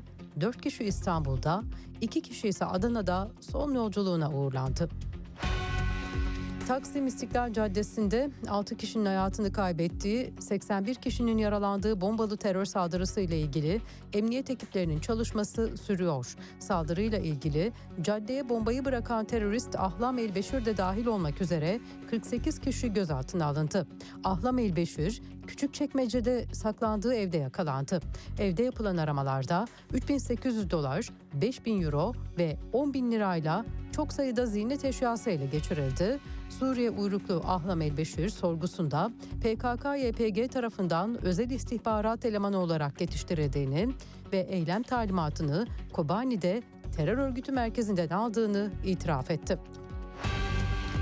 İstiklal Caddesi'ndeki terör saldırısıyla ilgili soruşturma derinleşiyor. Caddeye bombayı bırakan terörist Ahlam Elbeşir'in 4 ay önce B isimli bir teröristle birlikte Türkiye'ye girdiği, iki teröristin kimlikleri belli olmasın diye karı koca rolü yaptığı ve Esenler'de bir tekstil atölyesinde çalıştığı öğrenildi. Olay günü Ahlam Elbeşir İstiklal Caddesi'ne aynı evde kaldığı B isimli şüpheliyle gitti. Terörist olaydan sonra ticari taksiyle önce Esenler'de 4 aydır yanlarında kalan ailenin evine girdi. Ardından Küçükçekmece'de bir eve saklandı. Terörist burada gözaltına alındı. Ahlam Elbeşir ile birlikte hareket eden ve olay yerinden kaçtığı değerlendirilen B isimli şüphelinin yakalanmasına yönelik çalışmalar sürüyor. İçişleri Bakanı Süleyman Soylu, Taksim İstiklal Caddesi'nde meydana gelen terör saldırısının failine ilişkin konuştu. Soylu, başarılı bir şekilde yapılan operasyonla teröristler yakalandı. Eğer yakalamasaydık Yunanistan'a kaçıracaklardı dedi. İstiklal Caddesi bizim nazlı kızımızdır. Bize ne cevap verildiğini ne mesaj verildiğini iyi bir şekilde biliyoruz. Elbette ki teröristler yakalandı. Eğer yakalamasaydık bugün Yunanistan'a kaçıracaklardı.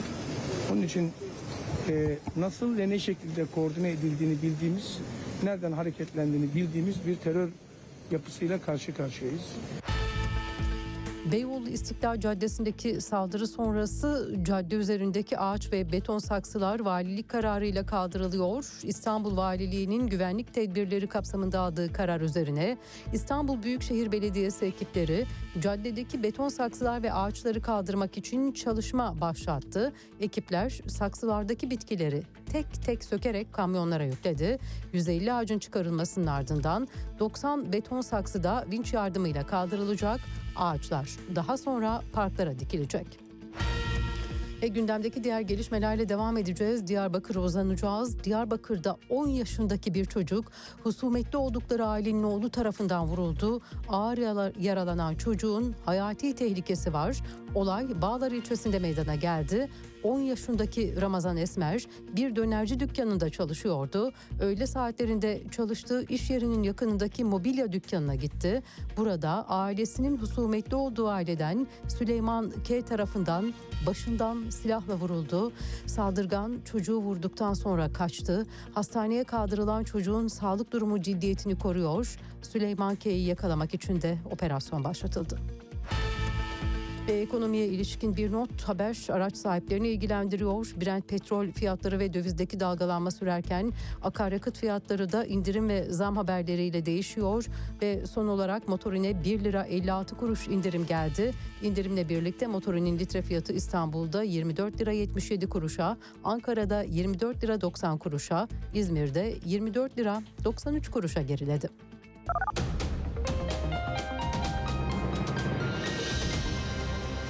Haberleri sunduk. Gelişmelerle tekrar birlikte olacağız. Hoşçakalın. Radyo Sputnik 5 merkezden karasal yayında. İstanbul 97.8, Ankara 96.2, İzmir 91, Bursa 101.4, Kocaeli 90.2. Karasal yayınlarımızın olmadığı yerlerde tr.sputniknews.com adresinden iOS ya da Android mobil cihazınızdan Sputnik News uygulamasını indirerek dinleyebilirsiniz. Radyo Sputnik. Anlatılmayanları anlatıyoruz. Radyo Sputnik artık dünyanın en çok kullanılan sosyal ağlarından biri olan Telegram'da. Hala kullanmıyorsanız önce Telegram uygulamasını mobil cihazınıza yükleyin. Ardından Radyo Sputnik'in Telegram kanalına katılın. Canlı yayınlarımızı ve programlarımızı kaçırmayın. Anlatılmayanları anlatıyoruz. Son dakika haberleri, canlı yayınlar, multimedya ve daha fazlası Sputnik Haber Ajansı'nın web sitesinde. Dünyanın küçük bir parçasını değil, tamamını anlamak istiyorsanız sputniknews.com.tr'yi tıklayın, habersiz kalmayın. Artık siz de haberin öznesisiniz. Tanık olduklarınızı, yaşadığınız sorunları bildirin, sesinizi kaydedin, gönderin. Telegram, Twitter, Facebook, Instagram ve şimdi de WhatsApp'tayız. Kaydettiğiniz sesi WhatsApp'tan 0505 171 6656'ya gönderin, yayınlansın. Radyo Sputnik. Çok sesli haber radyosu. Güne erken başlayanların, gündemi ıskalamayanların, siyasetin, ekonominin, sanatın, kısacası hayatın seyrini kaçırmayanların programı.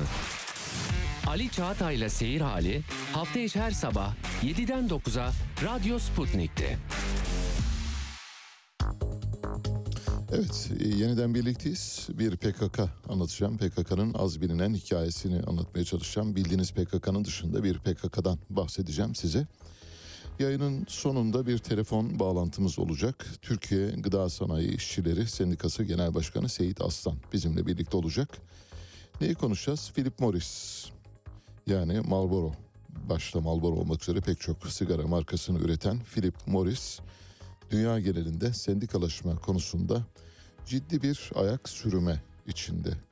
Bu da Uluslararası Sendikalar Konfederasyonu'nun merceğine, radarına girmiş durumda. Uluslararası Sendikalar Konfederasyonu Philip Morris'in genel e, başkanına ya da CEO'suna bir mektup yazdı, bir uyarı mektubu.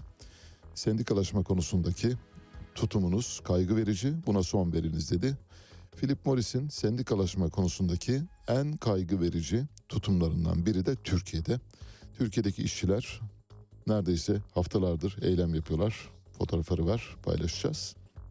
Onların sesi olmak için bir onlara imkan tanıyacağız. Philip Morris'te neden sendikalaşmaya izin verilmiyor diye soracağız Seyit Aslan'a.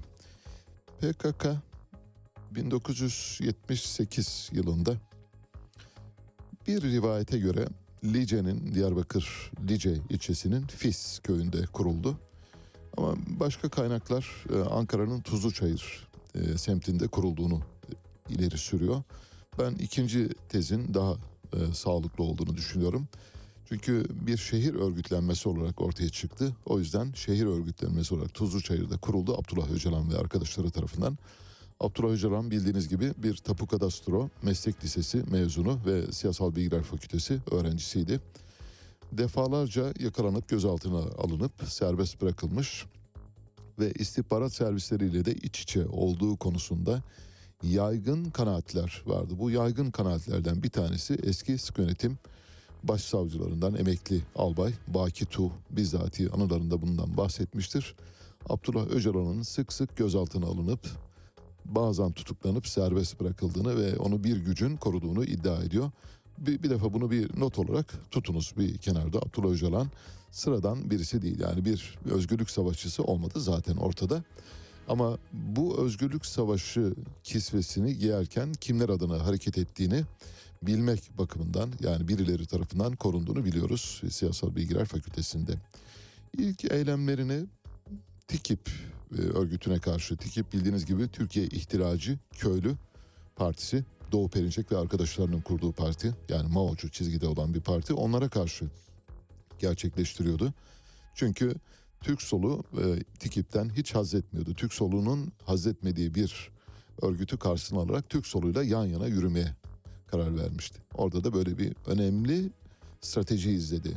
TİKİP'i vurarak Türk soluyla yan yana hareket edebileceğini düşündü. Kendine taraftar kazandı. Yani düşmanlarının sayısını azaltmış oldu böylece. 79-80 yıllarında Siverek'te Bucak aşiretine yönelik büyük bir saldırı düzenledi. Meşhur e, Bucak aşiretinin e, reisi Sedat Bucak bildiğiniz gibi korucu ve e, susurluk olayının da baş aktörlerinden biridir kendisi. Bucak aşiretine yönelik saldırıyı yaptıktan sonra PKK'nın yıldızı parladı. Artık herkesi tehdit edebileceğini anladılar. Aşiretler epey bir çekindiler. Asıl PKK'nın doğuşu 1984 Eruh ve Şemdinli baskınlarıyla olmuştur. Eruh ve Şemdinli'de çok sayıda askerin ve polisin şehit edilmesine sebebiyet vermiştir. Ayrıca sivil halka da büyük zararlar verilmiştir. Eruh ve Şemdinli baskınları olduktan sonra bir süre sonra bendeniz Eruh ve Şemdinli'de bir haber için bulunuyordum. Yani böyle bir karanlıkta gidiyorsunuz, gölgenizden korkuyorsunuz. Bize gitmeyin dediler, gittik. E, kelle koltukta bir haber için gitmemiz gerekiyordu ve tam da o yolu kullandık. Bilirim o yolu. E, Eruh Şemdinli baskınlarının yapıldığı yerleri biliyorum. Örgüt kendine maddi destek sağlamak için uyuşturucu ticareti yapmaya başladı 80'li yıllarda. Bu Interpol'ün raporlarına girmiş durumda. Türk istihbarat raporlarında da keza PKK'nın eroin ticareti, insan ticareti, kara para aklama e, işleriyle uğraştığı, kaçakçılık yaptığı biliniyor. Bir sır değil bunlar, bilinen şeyler. Çünkü finanse edilmesi için bir şeye ihtiyaç var. Elbette Amerika Birleşik Devletleri finanse ediyor ilk elde. Evvel emirde Amerika Birleşik Devletleri hamiliğini yapıyor ama diğer e, görünmeyen kaynaklar arasında da uyuşturucu ticareti, insan ticareti, kara para ve kaçakçılık vardı. 2010 yılında Birleşmiş Milletler tarafından yayımlanan bir raporda organize suç tehdidi değerlendirmesi başlıklı raporda PKK'nın 2010 yılından bahsediyoruz. 50 ila 100 milyon dolar arasında uyuşturucu ticaretinden para kazandı bildiriliyor uluslararası bir raporda. Mehmet Ali Birant'la bir röportaj yaptı. Abdullah Öcalan 16 Haziran 1988'de Milliyet Gazetesi'nde yayımlandı. Bu röportajda şöyle dedi. Amacımız Türkiye'den toprak koparmak değil, aşamalı şekilde bir gerçeğin kabul edilmesini sağlamaktır. Her şey size bağlıdır diyor. Ne demek istiyor? Türkiye'den ayrılmayı düşünmüyoruz. diyor. Bu çok konuşuldu üzerinde. Tabii bu bir hikaye. Mehmet Ali Birant da gerçeği tahrif etti. PKK'nın düpedüz amacı Türkiye, İran, Suriye, Irak'tan oluşan bu dörtlü bölgede bir Kürt devleti oluşumuna yardımcı olmaktır. Bunun koçbaşı olarak görev üstlenmiştir ve Amerika Birleşik Devletleri de operasyonun tamamen arkasındadır. O yıllarda işte Mehmet Ali Birant gidiyor, Fatih Altaylı geliyor, Hasan Cemal gidiyor, Cengiz Çandar gidiyor. Böyle Abdullah Öcalan bir tür böyle milli kahraman gibi, bir Latin Amerika devrimcisi gibi o elden bu ele, o gazeteden bu gazete, o televizyondan bu televizyona falan dolaştırılıyor. Hakkında kitaplar yazılıyor. Ancak ve o gerçek niyetini gizliyor. Bizim böyle bir niyetimiz yoktu. Bal gibi Türkiye'yi bölme gibi bir niyetiniz vardı. Zaten istihbarat servisleri adına kurulduğunuz belli. Dış istihbarat servislerinin sizi yönettiği biliniyor. Finansal kaynaklarınızın uyuşturucu dışında, kara para dışında kalan kaynaklarınızın Amerika Birleşik Devletleri tarafından temin edildiğini biliyoruz. Bu gerçekleri ama saklıyordu. İşte bunlar haber oluyordu. Bunun adına da habercilik deniyordu. Abdullah Öcalan'la yapılan büyük röportaj falan gibi böyle bangır bangır yayınlanıyordu. 27 Kasım 1978'de demiştik kuruldu. Marksist-Leninist bir çizgide Mao'culara karşı. Tabii neden Mao'cu çizgide bir hareket olarak kurulmadı? Çünkü Türk soluyla dayanışma içinde olmak istiyordu. Türk solu da evet Kürt solunu da yanımıza alalım diyerek onlarla iyi geçinmeye dayalı bir strateji izlemişti. Maalesef o dönemde büyük bir yanılgıdır bence Türk solunun yanılgısı. Abdullah Öcalan başında Cemil Bayık işte ikinci adamı konumunda. Yürütme Kurulu Başkanı Şahin Dönmez, askeri sorumlu Mehmet Karasungur, istihbarat sorumlusu Mazlum Doğan, yürütme kurulu üyesi Hayri Durmuş, buraya dikkat edin şimdi geliyor bomba ve Kesire Yıldırım. Kesire Yıldırım kim? Abdullah Öcalan'ın ilk eşi. Kesire Yıldırım'ın babası Pilot Necati. Pilot Necati bir MIT ajanı. Nasıl? Şimdi örgütün yani sizin kayınpederiniz MIT ajanı ve siz bundan haberdar olmayabilir misiniz? Bu mümkün mü? Mesela kayınpederinizin MIT ajanı olduğunu bir gün böyle dehşetle fark edip şöyle diyebilir misiniz? Ya hanım senin e, baban şey. Böyle bir şey olamaz yani. Şimdi işi ironi boyutuyla e, konuşmaya çalışıyorum ama böyle bir şey olmayacağını bilirsiniz. Kesire Öcalan, Abdullah Öcalan'ın eşi, Kesire Öcalan'ın babası Pilot Necati pek çok yayında İsmet İmset'in kitabı The PKK'da da geçtiği üzere bir MİT ajanıdır, istihbarat ajanı. PKK kadrosunun tamamının MIT'in ya da istihbarat servislerinin Amerikan patentli Amerikan servislerinin, Amerikan istihbarat servislerinin yetiştirdiği elemanlar olduğu konusundaki şüphemiz sıfırlanıyor bu durumda. Bu şüpheye en ufak bir mahal yok. Dolayısıyla tabii arkasından devletin de çok büyük yanlışlar oldu. Mesela Diyarbakır cezaevine konuldu. Diyarbakır cezaevinde binbaşı Cafer Tayyar Çağlayan ve birkaç kişi daha vardı. Ee, dışkı yedirdiler mahkumlara. Ee, PKK'dan giren mahkumlara. Daha çok daha büyük mezalimler var ve yani bildiğim şeyler var ama şu yayında anlatmaya dilimin el vermeyeceği şeylerden bahsediyorum. Bu içeride adeta Diyarbakır cezaevini bir akademiye çevirdi. Yani BK'daki Mahsun Korkmaz Akademisi'nin bir benzeri Diyarbakır'da kuruldu. Çünkü içeride işkence yaptınız, kötü muameleye tabi tuttunuz, kötü muameleye maruz kalan insanlar dışarı çıktığında doğal ve otomatik olarak örgütün bir bağlısı haline geliyordu. Örgütten kopmaz hale getiriyordunuz. Diyarbakır cezaevindeki yanlışlar silsilesi oradan başlamıştır. 12 Eylül 1980 askeri darbesi ile birlikte Abdullah Öcalan tası tarağı toplayıp Suriye'ye kaçtı. Yani o tarihlere kadar işte pek çok yerde dolaşıyordu. Artık Türkiye'de kalamayacağını ya da Türkiye sınırları içinde olamayacağını anladı. Gabar Dağları'nda bulunuyordu. Karargahları oralardaydı.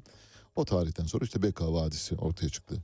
80-82 arasında 300 kadar PKK ile birlikte Beka Vadisi'ne yerleştiler. Burada Filistinlilerden eğitim aldılar. Suriye'den çoğunluk şekilde örtülü destek aldılar. Bildiğiniz gibi Hafız Esad'la aramız hiç iyi değildi. Hafız Esad yani Beşar Esad e, döneminde de iyi değildi. Ancak Hafız Esad'la en son bir protokol yaptık ve PKK'nın tahliye edilmesiyle ilgili bir süreç başlattık. 1992 Beka ziyaretini anlatmıştım size. Beka ziyareti sırasında Mahsun Korkmaz Akademisi'ne götürdüler bizi. Derme çatma bir Latin Amerika gerilla örgütünün polis karakolu bile olamayacak çapta bir yerden bahsediyorum. Uyduruk bir yerdi öyle söyleyeyim. Şimdi orayı bize böyle büyük anlatıyor. Kocaman Beka Vadisi. Üç tane baraka, iki tane de kerpiç ev. O kadar. Üzerleri teneke kaplı. Böyle şey olabilir mi? Mesela böyle bir garnizon olabilir mi? Üstelik de orası sizin toprağınız. Yani Suriye size yer vermiş, Hizbullah sizi destekliyor. Herkesin desteği arkanızda Amerika size kol kanat geriyor ve siz oraya böyle üç tane barakadan oluşan bir de adını yazmışlar böyle Mahsum Korkmaz Akademisi diye de yazmışlar. Bunların hepsi bir oyun. Bu oyunun maalesef e, figüranları haline getirildik. Mesut Barzani Kuzey Irak'ta kamp inşa etme ve Barzani kontrolündeki sınır bölgesinden Türkiye'ye geçme üzerine bir anlaşma yaptı Abdullah Öcalan'la. Bakınız Abdullah Öcalan'la Barzani arasındaki iyi ilişkilerden bahsediyoruz. Uzunca bir dönem kolladılar. Uluslararası Af Örgütü'nün bir raporu vardı yine o dönemde yayınlanmış.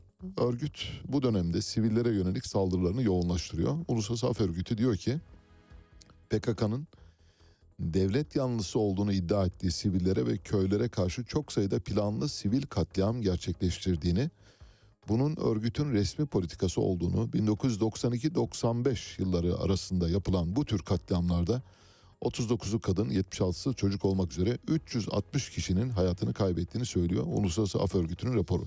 Bu arada Uluslararası Af Örgütü'nü de bir e, temkin payı içinde değerlendirmek lazım. Bu tür örgütlerin de Amerika Birleşik Devletleri tarafından kontrol edildiğini bir dipnot olarak belirtmiş olayım. Yani hani böyle bir e, Kur'an-ı Kerim gibi Uluslararası Af Örgütü yazdığı o zaman doğrudur gibi bir genel kabulle hareket etmiyoruz. Bunu söylemek için ifade ediyorum. 13 Nisan 1998'de PKK'nın eski ikinci adamı e, olup örgütten iltica ederek Mesut Barzani'nin yanına sığınan Şemdin Sakık o güne kadar ikinci adam konumundaydı. Arif Sakık özel hareket birimleri tarafından yakalanarak Türkiye'ye getirildi ve Şemdin Sakık o gün itirafçı oldu. Şemdin Sakın Elazığ Bingöl Karayolu'ndaki 33 askerin şehit edilmesi eyleminde icrayı bizzati yapan kişi olduğunu biliyoruz. Emrin de Şemdin Saka karargahtan Hogir Kod adlı Zeki Çelik tarafından verildiğini biliyoruz. İsmet İmset'in The PKK kitabıyla ilgili kitabı okudum ben bu arada. Gittiğimde dedim ki emri kim verdi siz biliyor musunuz? Tabii dedi ben de sordum Abdullah Öcalan'a. Emri ben vermedim benim haberim yok dedi. Yalan söylüyor tabii. Yani Abdullah Öcalan bal gibi yalan söylüyor. İsmet İmset de bu, bu yalanı bana satıyor mesela. Bal gibi yalan söylüyor işte ben yapmadım onlar yaptı. Hogir dediğiniz adam sizin elemanınız ulağınız yani kurye olarak kullanıyorsunuz. Gönderiyorsunuz Şemdin Sak'a. Bu şöyle bir operasyon yapın diyorsunuz. Onlar da yapıyor. Sonra Zeki Çelik itirafçı oldu Hogir. Ve 1996 yılında Almanya'da öldürüldü. Dolayısıyla bu tür insanları da fazla yaşatmıyorlar. Sonra Şemdin Sakık, Ergenekon, Balyoz, İrtica Eylem Planı, Ay Işığı, Yakamoz, Eldiven, Atabeyler gibi pek çok davada gizli tanık olarak kullanıldı. PKK'lı sav, e, PKK'lı biri e, FETÖ'cü savcılar tarafından.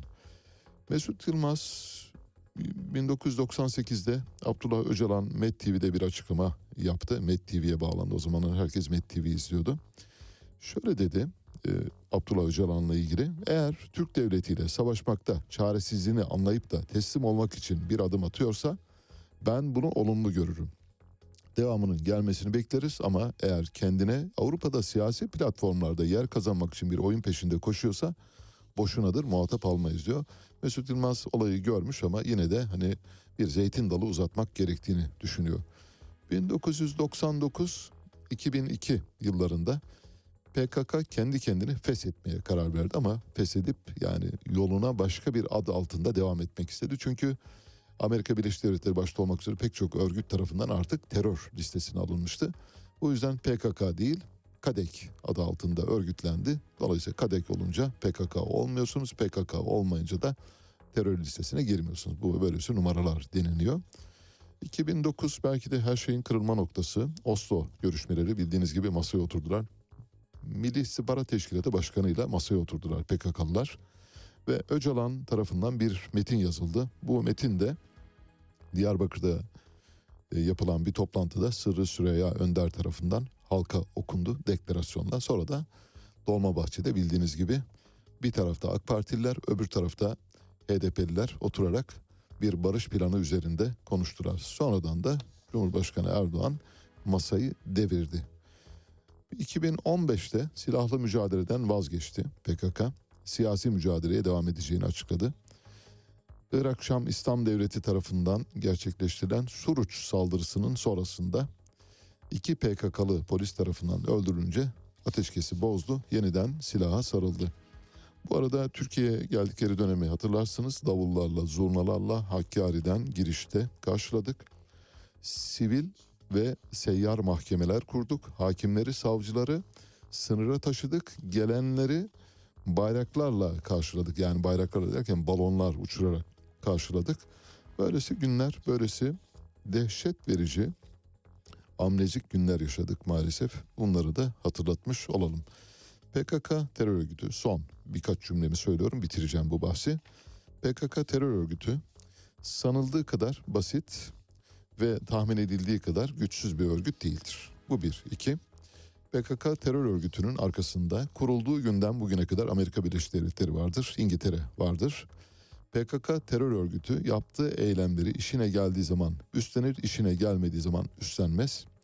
Son olayda İstiklal Caddesi'ndeki olayla ilgili üstlenme olmadı. Bu PKK'nın bu işi yapmadığı anlamına gelmez. Onu bir kenara koyalım. Ancak yakalanan kişinin gerçekten bu olay, olayı gerçekleştiren kişi olup olmadığı bile kuşkulu.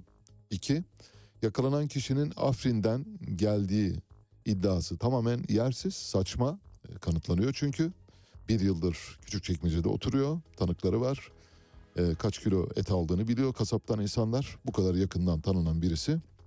Ama İçişleri Bakanı Süleyman Soylu, evet biz Amerika'ya da bir de bu arada posta koyarak Amerika'nın tazi- taziyesini kabul etmediğini belirterek Amerika'ya da posta koyarak başarılı bir eyleme imza attığını iddia ediyor. E, zaten süreç Osman Kavala'nın tutukluluğunun sürdürülmesi üzerine kurulmuş. Aynen. Bu tutukluluk devam etmesi için hukuka karşı verilen bir mücadele haline girmiş durumda. Merkez Bankası'nın son aylarda izlemiş olduğu para politikası doğrudan enflasyonda bu sıçramaya yol açtı. E, yani ve de, devamı da gelecek. ülkeyi aslında öyle yönetiyorlar ki adeta koca bir survivor oyunu gibi. Bugün için önemli olan husus Türkiye'de bu sistemin değişmesidir. Bu sistem yani Cumhurbaşkanlığı hükümet sistemi Evet. maalesef uygulama aşamasında kağıt üzerinde durduğu gibi durmadı. Ali Çağatay'la Seyir Hali hafta içi her sabah 7 ile 9 arasında Radyo Sputnik'te.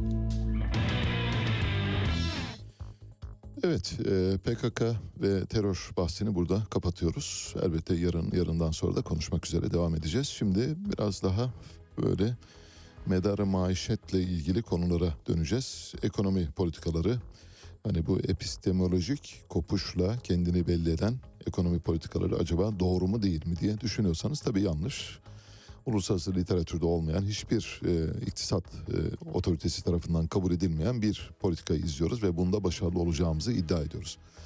Başarılı olamayacağımız gün gibi ortada, her şeyden ortada. Nereden biliyoruz? Enflasyonu %85'e çıkarmışsınız. İşsizlik yavaş adımlarla da olsa tekrar yükselmeye devam ediyor. Kur 8'den 18'e çıkmış. Borçlarınız gırtlağı bulmuş. Cari açınız almış başını gidiyor. Bütçe açığınız katlanmış. Cari açık, tasarruf açığı, bütçe açığı diye 300 açığınız var. Ama siz diyorsunuz ki her şeyimiz iyi. Bu herhalde hani böyle bataklığa batarsınız, boğulmak üzeresiniz.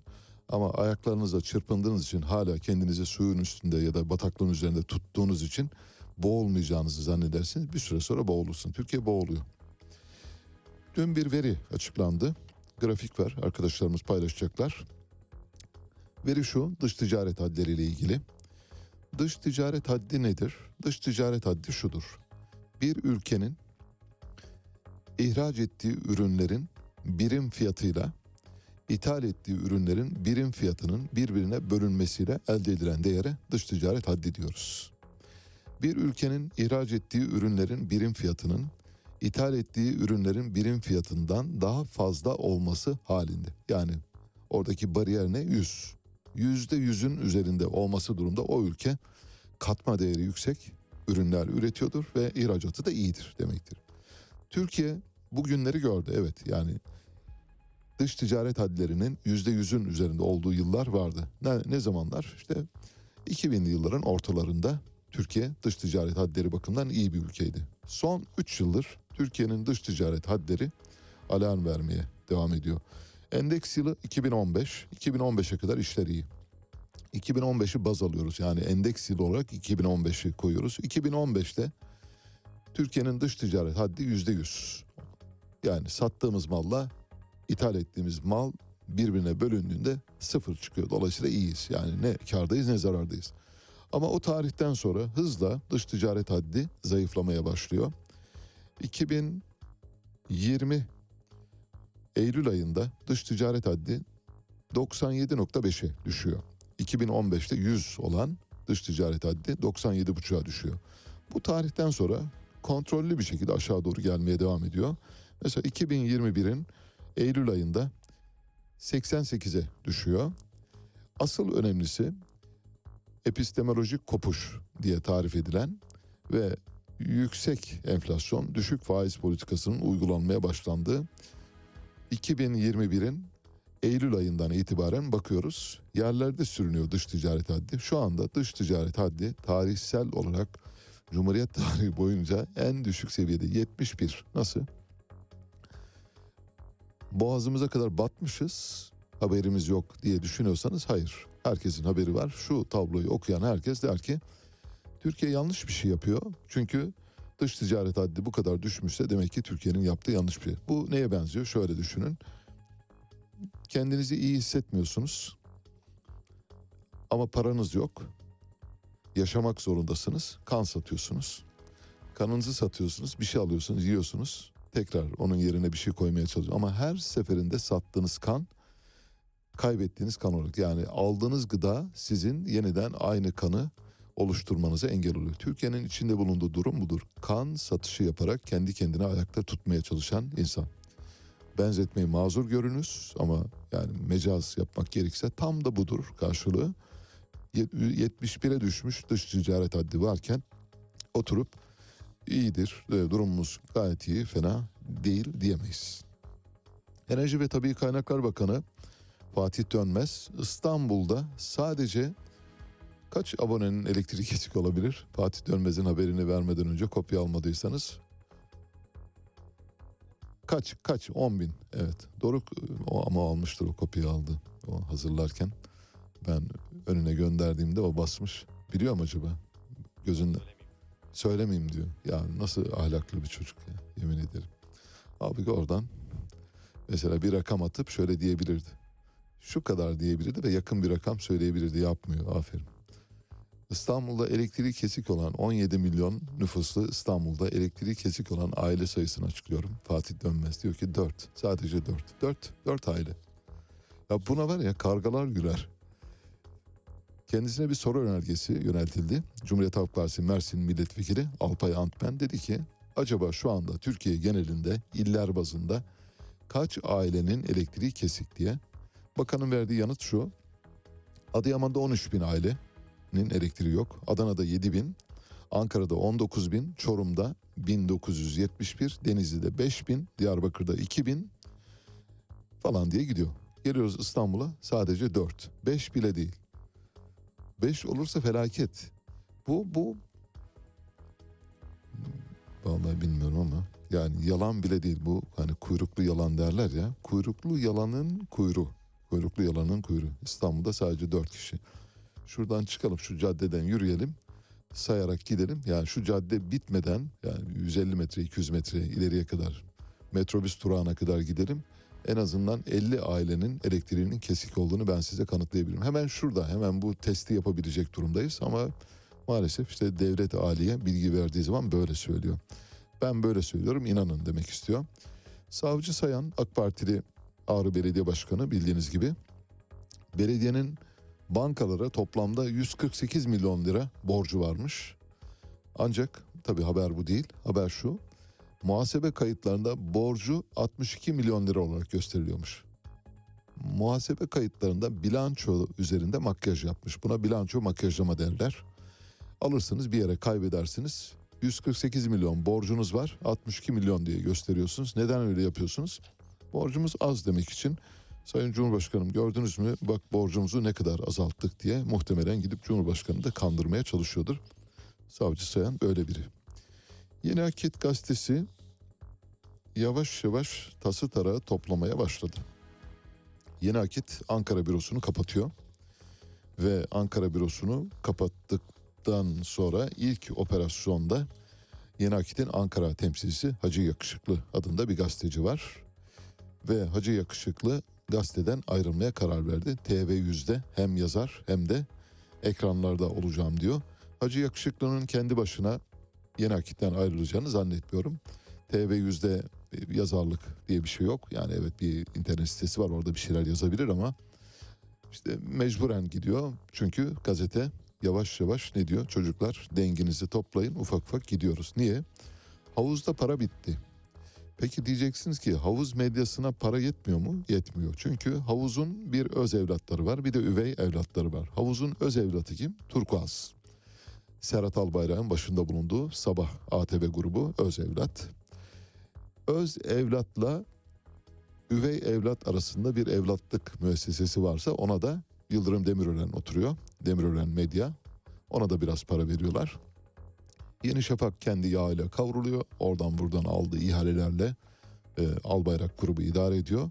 Fakat Akit gazetesine demek ki para akmıyor. Akit gazetesinin muslukları kesilmiş. O yüzden Ankara bürosunu kapatarak ufak ufak topukluyor. Hacı Yakışıklı dün itibariyle istifa etti ve TV100'e geçiyor.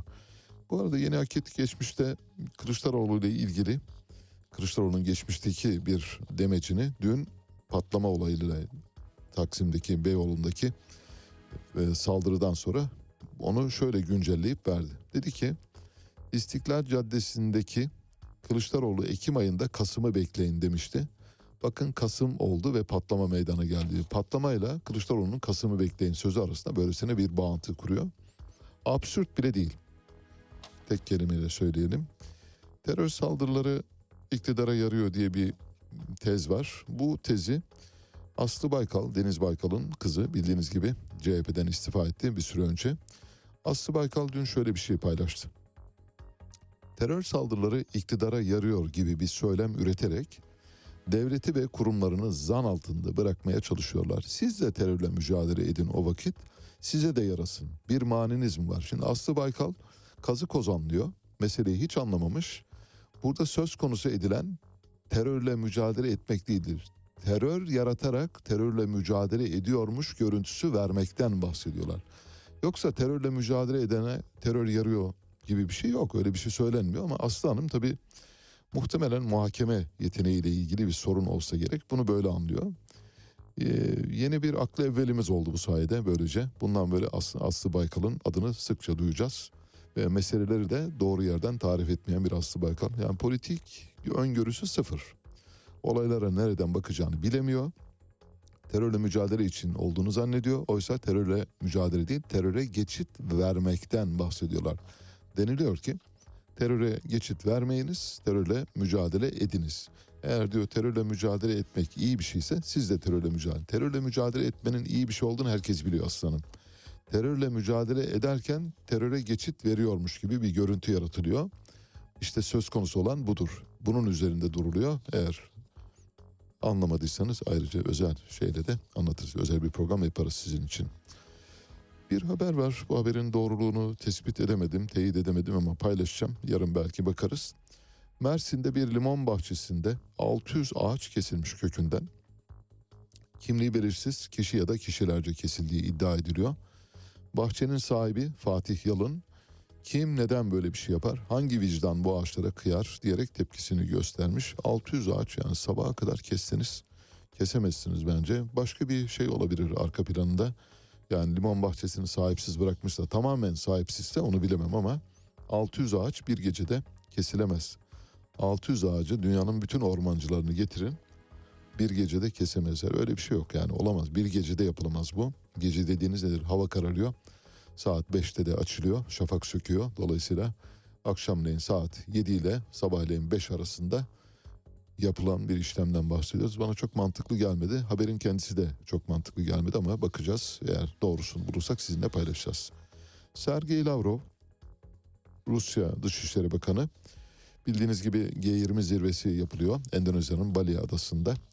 Cumhurbaşkanı Erdoğan da orada bulunuyor ve Endonezya'nın Bali Adası'nda yapılacak olan bu G20 zirvesinin en önemli, en kritik yanı şu.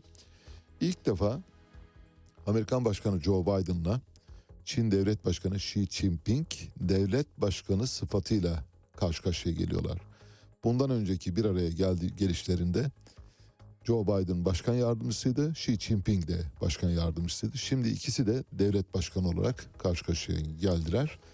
Sergey Lavrov'la ilgili Batı medyasında Associated Press, Sergey Lavrov'un hastaneye kaldırıldığını ve kalp krizi geçirdiğini iddia etti. Bunun üzerine hemen Kremlin'den bir yalanlama geldi. Sergey Lavrov'un e, YouTube üzerinden bir videosu var. Böyle bütün dişleri gözüken yani gayet sağlıklı yeni çekilmiş bir görüntü.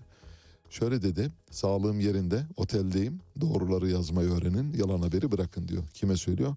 Associated Press'e söylüyor. Nitekim Rusya Dışişleri Bakanlığı Sözcüsü Maria Zaharova da bunu kesin bir dille yalanladı. Şöyle dedi, Sayın Lavrov hastaneye kaldırıldığı iddiası gerçeği yansıtmamaktadır.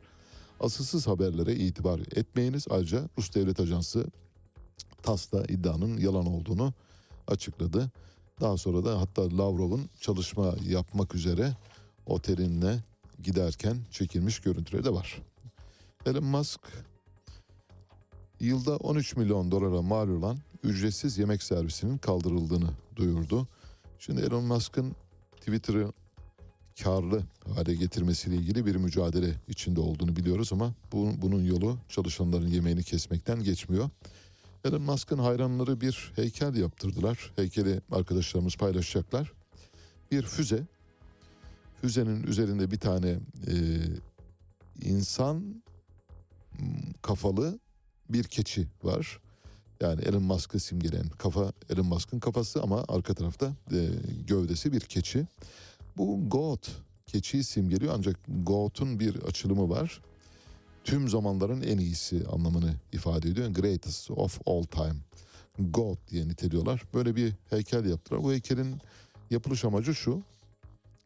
Keçi figürü Elon Musk'ın keçi gibi inatçı olduğunu simgeliyor. Kendisinin zaten keçi başlı bir insan ya da işte at başlı bir e, yaratık olduğu tahmin ediliyor. Böyle bir eski e, Grek mitolojisine göndermeler yapıyor. Bu füze de bildiğiniz gibi Dogecoin ile ilgili birkaç kez ve Bitcoin ile ilgili yayımladığı mesajlara göndermedir. İki tane böyle füze koydu. Bir günde mesela Dogecoin aldı başını gitti, Ethereum aldı başını gitti. Yani bu füzeyi koyuyor yanına Ethereum diyor mesela. Ethereum alıp gidiyor başını. Füzeyi koyuyor yanına Bitcoin'i koyuyor fışt, gidiyor. Böylesine bir şey var. Bunu simgelemek için tabii oradan para kazananlar 600 bin dolara mal olmuş bu heykel. Evet birkaç dakika sonra bir telefonumuz olacak. Son birkaç haberi vereceğim size. Basketbol milli takımımız 2023 Dünya Kupası elemeleri ikinci tur birinci grup maçında Sırbistan'a 77-76 yenildi ve böylece FIBA 2023 Dünya Kupası'na katılma şansını yitirdi.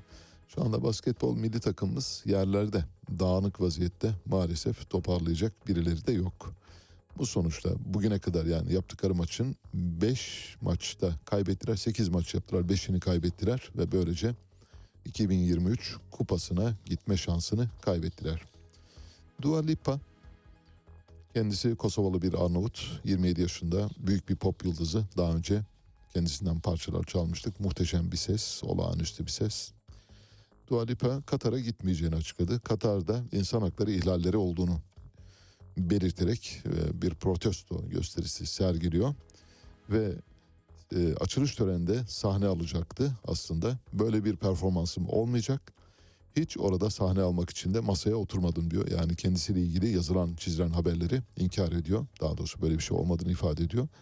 Ayrıca protesto edenler arasında başka sanatçılar da var. Mesela Sir Rod Stewart da Katar'da sahneye çıkmayı reddettiğini bildirmişti. Muhtemelen bu kervan epey bir uzayacak gibi gözüküyor.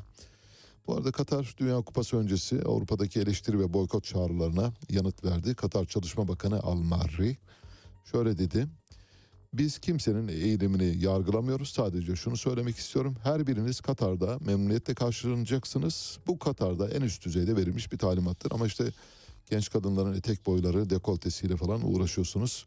Etek boyunun e, diz altına kadar gelmesi ve tamamen yakanın kapalı olması ile ilgili genelge yayınladınız ve ona rağmen biz kimsenin yaşam tarzına katılmayacağız. Ama alkol serbest bu arada onu söyleyelim.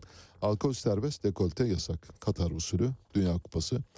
Avrupa'da 100 binden fazla kişi kripto para kullanılarak dolandırıldı ve dolandırılmanın kaynağı neresi? Makedonya. Makedonya'da kim var? Faruk Fatih Özer var. Faruk Fatih Özer kim? Türkiye'deki insanları 2,5 milyar dolar dolandıran kripto para platformu Todex'in sahibi.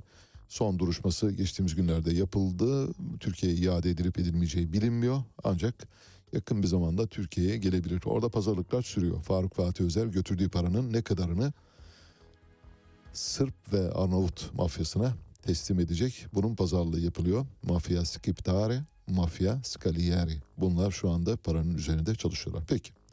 Geldik telefon bağlantısı saatimize. Telefon bağlantımızın konusu neydi? Uluslararası Sendikalar Konfederasyonu Philip Morris'in uluslararası CEO'suna bir mektup yazdı ve 200 milyon kişiyi temsil ediyor bu arada. Uluslararası Sendikalar Konfederasyonu dünya genelinde. Philip Morris'in dünyanın pek çok ülkesinde sendikalaşmaya karşı bir faaliyet içinde olduğunu ve buna son vermesi gerektiğini ifade ediyor. Bu ülkelerin başında da Türkiye geliyor. Şimdi Philip Morris Türkiye'deki örgütlenme faaliyetlerine neden izin vermiyor diye soracağız. Fotoğraflar var. Arkadaşlarımız bu arada fotoğrafları paylaşsınlar. İşçiler e, haftalardır sokaklarda Malboro'dan atılan işçiler geri alınsın diyorlar. Sendikal haklar tanınsın diyorlar. Ayrıca sendika hakkının tanınmasıyla ilgili sürecin mücadelenin sonsuza kadar süreceğini ifade ediyorlar. Telefon attığımızda Türkiye Gıda Sanayicileri Sendikası Genel Başkanı Seyit Aslan var. Seyit Bey hoş geldiniz. Ee, hoş bulduk. Küçük bir düzeltme yapmama Tabii, müsaade tabii. edin. Sanayi Sendikası değil, Gıda İşleri Sendikası. Tamam. Türkiye Gıda İşçileri Sendikası. Evet. Doğru mu? Tamam. Peki. Sendikası, Doğru. Tamam. doğru. E, İş e, sanayiye girince oraya işveren ay- ayağında karışıyor. Tamam. işveren sendikasıyla karıştırmamanız için. Peki. Evet. Yani. Şimdi bize e, süreci bir anlatmanızı rica ediyorum. Hem e, Uluslararası Sendikalar Konfederasyonu'nun uyarısını Philip Morris'e yönelik dünya genelinde bir uyarı var. Başka ülkelerde de muhtemelen aynı şeyi yapıyor. Ancak Türkiye'de çok daha uzun süredir yapıyor ve daha acımasız davrandığını biliyoruz. Sendikalaşma konusunda bu direnci nasıl kırmayı düşünüyorsunuz? Neler yapacaksınız? Yaklaşık 10 dakika vaktimiz var. Buyurun. Peki çok teşekkür ederim. Öncelikle sizin de ifade ettiğiniz gibi bugün başlayan e, Uluslararası Sendikalar Konfederasyonu gündeminde e, Türkiye'deki Malboro işleri var. Evet. E, sizin de ifade ettiğiniz geçen de e, Yine konuşmuştuk. Evet, Türkiye'deki Philip Morris'in işletmesine e, bir mektup göndererek işlerin haklarının tanınmasını istediler. e, İTUK dünyadaki en büyük konfederasyon yani başka da üzerinde bir konfederasyon yok ve yaklaşık 163 ülkeden 200 milyona yakın işçiyi temsil eden bir sendikal yapı. Evet. Şimdi tabii Türkiye'de e, aslında sendikal hak ve özgürlükler ne yazık ki sadece Malbo şey e, Philip Morris'in şirketi için değil bütün işler açısından sorun olmaya e, devam ediyor ve Türkiye uzun zamandır e, kara liste diye adlandırılan e, bir listenin içerisinde ve burada e, ne yazık ki sendikal hak ve özgürlüklere e, riayet edilmiyor, tanınmıyor. Evet. Özellikle e, bu şirketin kendisi de e, Türkiye'de e, yani çok ciddi bir kazanç elde etmesine rağmen e, işçilerin e, çalışma ve yaşama koşullarını e, bugüne kadar değiştirmediler de değiştirme konusunda da bir adım atmadılar. Şu Evet. yaşanan sendikalaşmayla birlikte kısmen bir takım değişiklikler oldu. Bir, bir örnek vermek istiyorum. Yani biz Avrupa'daki dünyadaki farklı ülkelerde, Amerika'da, e, Batı'daki bazı e, iş yerlerine kıyasladık. Ya Türkiye'deki işler, oradaki işlerin almış olduğu ücretin onda birini alıyorlar. Düşünebiliyor musunuz? Yani onda biri bir e, ücret, e, çalışma saatleri daha uzun, çalışma koşulları daha ağır, yıllık izinleri diğerlerden daha düşük. Yani tam bir e, vahşi bir çalışma sistemi ne yazık ki. Tam bir Angarya. Evet. Angarya var. Şimdi bugün direnişin 57. günü. Bugün tam 57 gündür e, Torbalı'da ilgili işletmenin önünde işçi arkadaşlarımız ailelerine, çocuklarına e, karşı e, daha onurlu bir yaşam için mücadele ediyorlar. Yani onların geleceği için mücadele ediyor. Onların daha iyi yaşaması ve daha iyi geçim şartlarına sahip olması için e, mücadele ediyorlar. 57 gündür devam ediyor. 3 gün sonra da ikinci ayımızı e, Tamamlayacaksınız. olacağız. Şimdi burada e, bir de Labour Start'ın uluslararası bir kampanyası oldu. Bu da çok etkili oldu. E, şu an e, işveren e, yaptığı tek bir şey var. İşlerin bir an önce bu direnişin sonlanmasını istiyorlar. Çünkü dünya kamuoyunda önemli ölçüde teşhir oldular. Tabii. Türkiye'de önemli ölçüde teşhir oldular. Direnişin kaldırılmasını istiyorlar. Şimdi diyorlar ki işlere kıdeminizi, ihbarınızı hatta işte iki maaş fazla verelim gidin. Bu şu anlama geliyor. Siz bu işleri haksız yere işten attınız ve bu şimdi bunu kabul ediyorsunuz. Çünkü siz kıdem vermeden, ihbar vermeden, onların içerideki çalışmış oldukları ücretleri bile vermeden işten attınız ama şimdi diyorsunuz ki biz bunları verelim.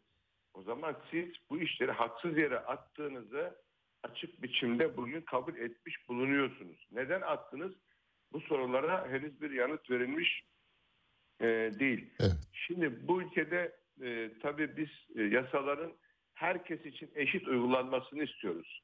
Yani var olan anayasanın, e, Türkiye'deki sendika yasalarının, çalışma hayatıyla ilgili yasaların yazıldığı biçimiyle en azından herkese eşit uygulanmasını istiyoruz. Ama görüyoruz ki burada sanki bu yasalar ilgili şirketi ilgilendirmiyor. Onlar için yasa yok, hukuk yok, adalet yok.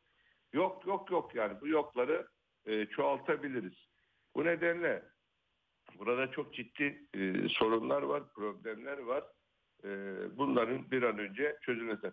Şimdi e, işveren şunu düşünüyor. Ya bu işler 3 gün kalır, 5 gün kalır diye. Hayır bakın bu Öyle olmadığını gördüler tabii. Evet. Evet, ilan etmek istiyorum yani. Biz o fabrikada gerçekten işçiler haklarını alana kadar işçi arkadaşlarımızın kararlılığı devam ettiği sürece o fabrikanın önünden haklarımızı almadan, işe geri iade olmadan e, oradan ayrılmayacağımızı ben bir kez daha ifade etmek istiyorum. Çünkü burada biz haksızlığa uğradık, biz hukuksuzluğa uğradık, biz adaletsizliğe uğradık. Biz derken işleri, işçi arkadaşlarımızı e, kastediyorum. Bu nedenle e, burada yapılması gereken yani biz bu mücadeleyi sürdüreceğiz ama aynı zamanda uluslararası dayanışma da güçlenerek devam ediyor. Türkiye'deki e, dayanışma da e, güçlenerek devam ediyor. Ya bu nedenle bizim hani burada bir geri adım atmamız e, söz konusu değil. İnsanların sosyal hayatı parçalandı, aile hayatı parçalanıyor çünkü ya 60 gündür insanlar evine 60 güne yakındır evlerine ekmek götüremiyorlar. Yani e, evlerinde yaşamlarını sürdürebilecekleri bir ücretten e, yoksunlar. Her ne kadar dayanışma gösteriyorsak da ama bir insanın e, düzenli bir ücret almadan bugün Türkiye'de yaşamını bu ekonomik koşullarda sürdürmesi çok mümkün e, değil. E, işverenin sadece işleri kıdem ve ihbarsız işten atarak e, tehdit etmesi yetmedi. Bakın şu anda bazı arkadaşlarımız e, iş arıyor. Bazı arkadaşlarımız iş bulmak üzere bulanlar var. Onu da engelliyorlar. Öyle mi? Gittikleri yerlerde maalesef bu da engelleniyor. Evet. Malbora işvereni, pardon e, ilgili işletmenin işvereni sizin bizim çalıştırmamızı istemiyorlar diye açık açık söylüyorlar. Yani, Jurnalliyor yani işçileri. yani jurnal, Ben attım siz de almayın. Ben- Evet. Siz de almayın. Yani bu artık ne derler tuzun koktuğu andır. Dehşet verici evet. Dehşet verici bir durum. Yani insan işten haksız hukuksuz yere işten atıyorsunuz. E, yetmiyor. Bir de onu cezalandıracak bir e, yöntem ve e, sistem uyguluyorsunuz. Bu bunu Türkiye'de kabul etmiyoruz. Sendikalar olarak kabul etmiyoruz. E, konfederasyonumuz da bu mücadelenin başarıya ulaşması için her türlü çabayı e, sarf ediyor. E, yarın e, İzmir'e gideceğim ben. iki gün oradayım. E, İzmir'de İktisat Kongresi var. Orada da bir kez daha gelen sendikacılarla bu sorunu konuşacağız. Büyükşehir Belediye Başkanı bu sorunu konuşacağız. Çözülmesi ve işlerin haklarını elde etmesi için e, ne yapılması gerekiyorsa bunları sürdürmeye devam edeceğiz. Bunların altını bir kez daha e, çizmek istedim. Evet. Şimdi bir örnek vereceğim. Ee, öyle noktalayalım. Ee, bir süre önce biz benzeri bir eylemi kayı inşaat işçileri için gerçekleştirdik. Yine diske bağlı bir sendikanın öncülük ettiği bir eylemdi. Ee, yaklaşık 200 işçinin alacaklarının ödenmesiyle ilgili bir süreçti. Kayı inşaat Libya'da ve pek çok yerde e, taahhüt işleri yapan bir büyük inşaat firması. E, Gaziantep'te de Gaziantep Şehir Hastanesi'nin hissedarlarından biri yani orada alacağı var. Ee, uzunca bir süre eylem yaptılar. Uzunca bir süre devam ettiler. En sonunda geçtiğimiz pazar günü bütün haklarını işveren teslim etmek zorunda kaldı. Bütün haklarını iade etti ve işçiler 13 e, Kasım pazar günü bir e, kutlamayla bunu e, kendi aralarında eğlenerek kutladılar ve bunda bizim küçük de olsa bir katkımız olmuştu. Şunu söyleyeceğim. Gerçekten örgütlü gücün karşısında hiçbir şey duramaz. Bundan yüzde yüz eminim. Üç kişi bile örgütlü biçimde hareket ederse sonuç alıcı bir yere doğru gider. Kaldı ki burada çok yaygın bir e, örgütlenme var. Yani sendikanın arkasında durduğu büyük bir destek var. Bu bu şekilde devam ettiği takdirde iyi gider diye düşünüyorum. Kaç işçi işten atıldı ve şu anda söz konusu eylem kaç işçi ilgilendiriyor Seyit Bey? Şu an iş, iş akitleri feshedilen işçi sayısı 124. 124. Evet. Tabii işe çağrılmayan da e, ondan daha fazla. Yani 200'e yakın da işçi arkadaşımız işe çağrılmıyor. Bakın iş akitlerini de feshetmiyorlar ama işe de çağırmıyorlar. Yani insanları arafta bırakıyorlar. Evet, bu eylemleri evet. desteklemeyin, bu mücadelenin içerisinde olmayın, bakacağız. Evet. Yani Ben e, bu buyurun pardon. yani bu bu tamamen e, insanlık dışı bir uygulama. Kesinlikle. e, e, ölümü gösterip sıtmaya razı etmek üzere bir politika sürdürüyorlar. Yani. Biraz daha dayanın bence çözülecektir diye düşünüyorum. Yani çünkü hakikaten e, kararlı bir eylemin e, karşısında hiçbir güç duramaz. Size başarılar diliyoruz arkadaşlarınıza da ve bu arada Marlboro'yu da çok sağ sağduyuya davet ediyoruz. Marlboro'yu, Philip Morris'i de sağduyuya davet ediyoruz. Uzlaşmaya, masaya oturmaya davet ediyoruz. Çok teşekkürler katıldığınız için. Türkiye Gıda İşçileri Sendikası Genel Başkanı Diske bağlı Seyit Aslan'la konuştuk. Marlboro işçilerinin 58. gününe giren direnişiyle ilgili sonuna kadar devam edeceklerini ifade ediyorlar. 120 işçi şu anda işten atılmış durumda. Bir o kadarı da işten atılmamakla birlikte işe davet edilmeyen dolayısıyla ortada bırakılmış işçilerden bahsediyoruz. Muhtemelen bu örgütlü eylem yakın bir zamanda sonuç alacaktır diye düşünüyoruz. Peki bitirdik. Size Adamo'dan parçalar seçtik bugün. Bildik adı, adıyla Adamo, Salvatore Adamo. Türkiye'de çok bilinen Fecri Ebicioğlu'nun bestelerini aranje ettiği Adamo şu anda Stand By Me diyor. Bu programı kumanda masasında Onur Er, editör masasında Doruk Kurgancı ile birlikte gerçekleştiriyoruz. Birazdan Mehtap Yeni Doğan saat başı haberlerle karşınızda olacak. Hepinize çok güzel bir gün diliyorum. We'll see.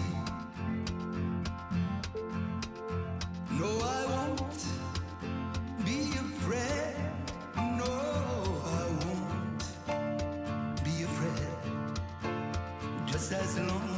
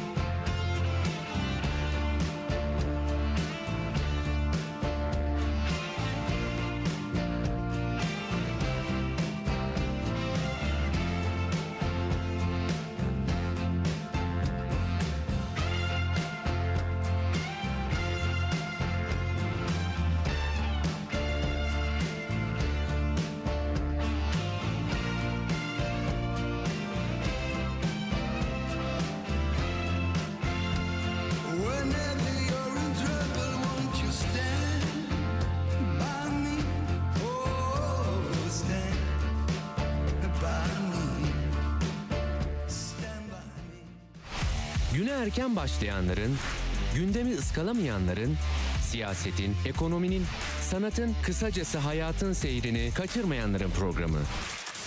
Ali Çağatay'la Seyir Hali hafta içi her sabah 7'den 9'a Radyo Sputnik'te. Radyo Sputnik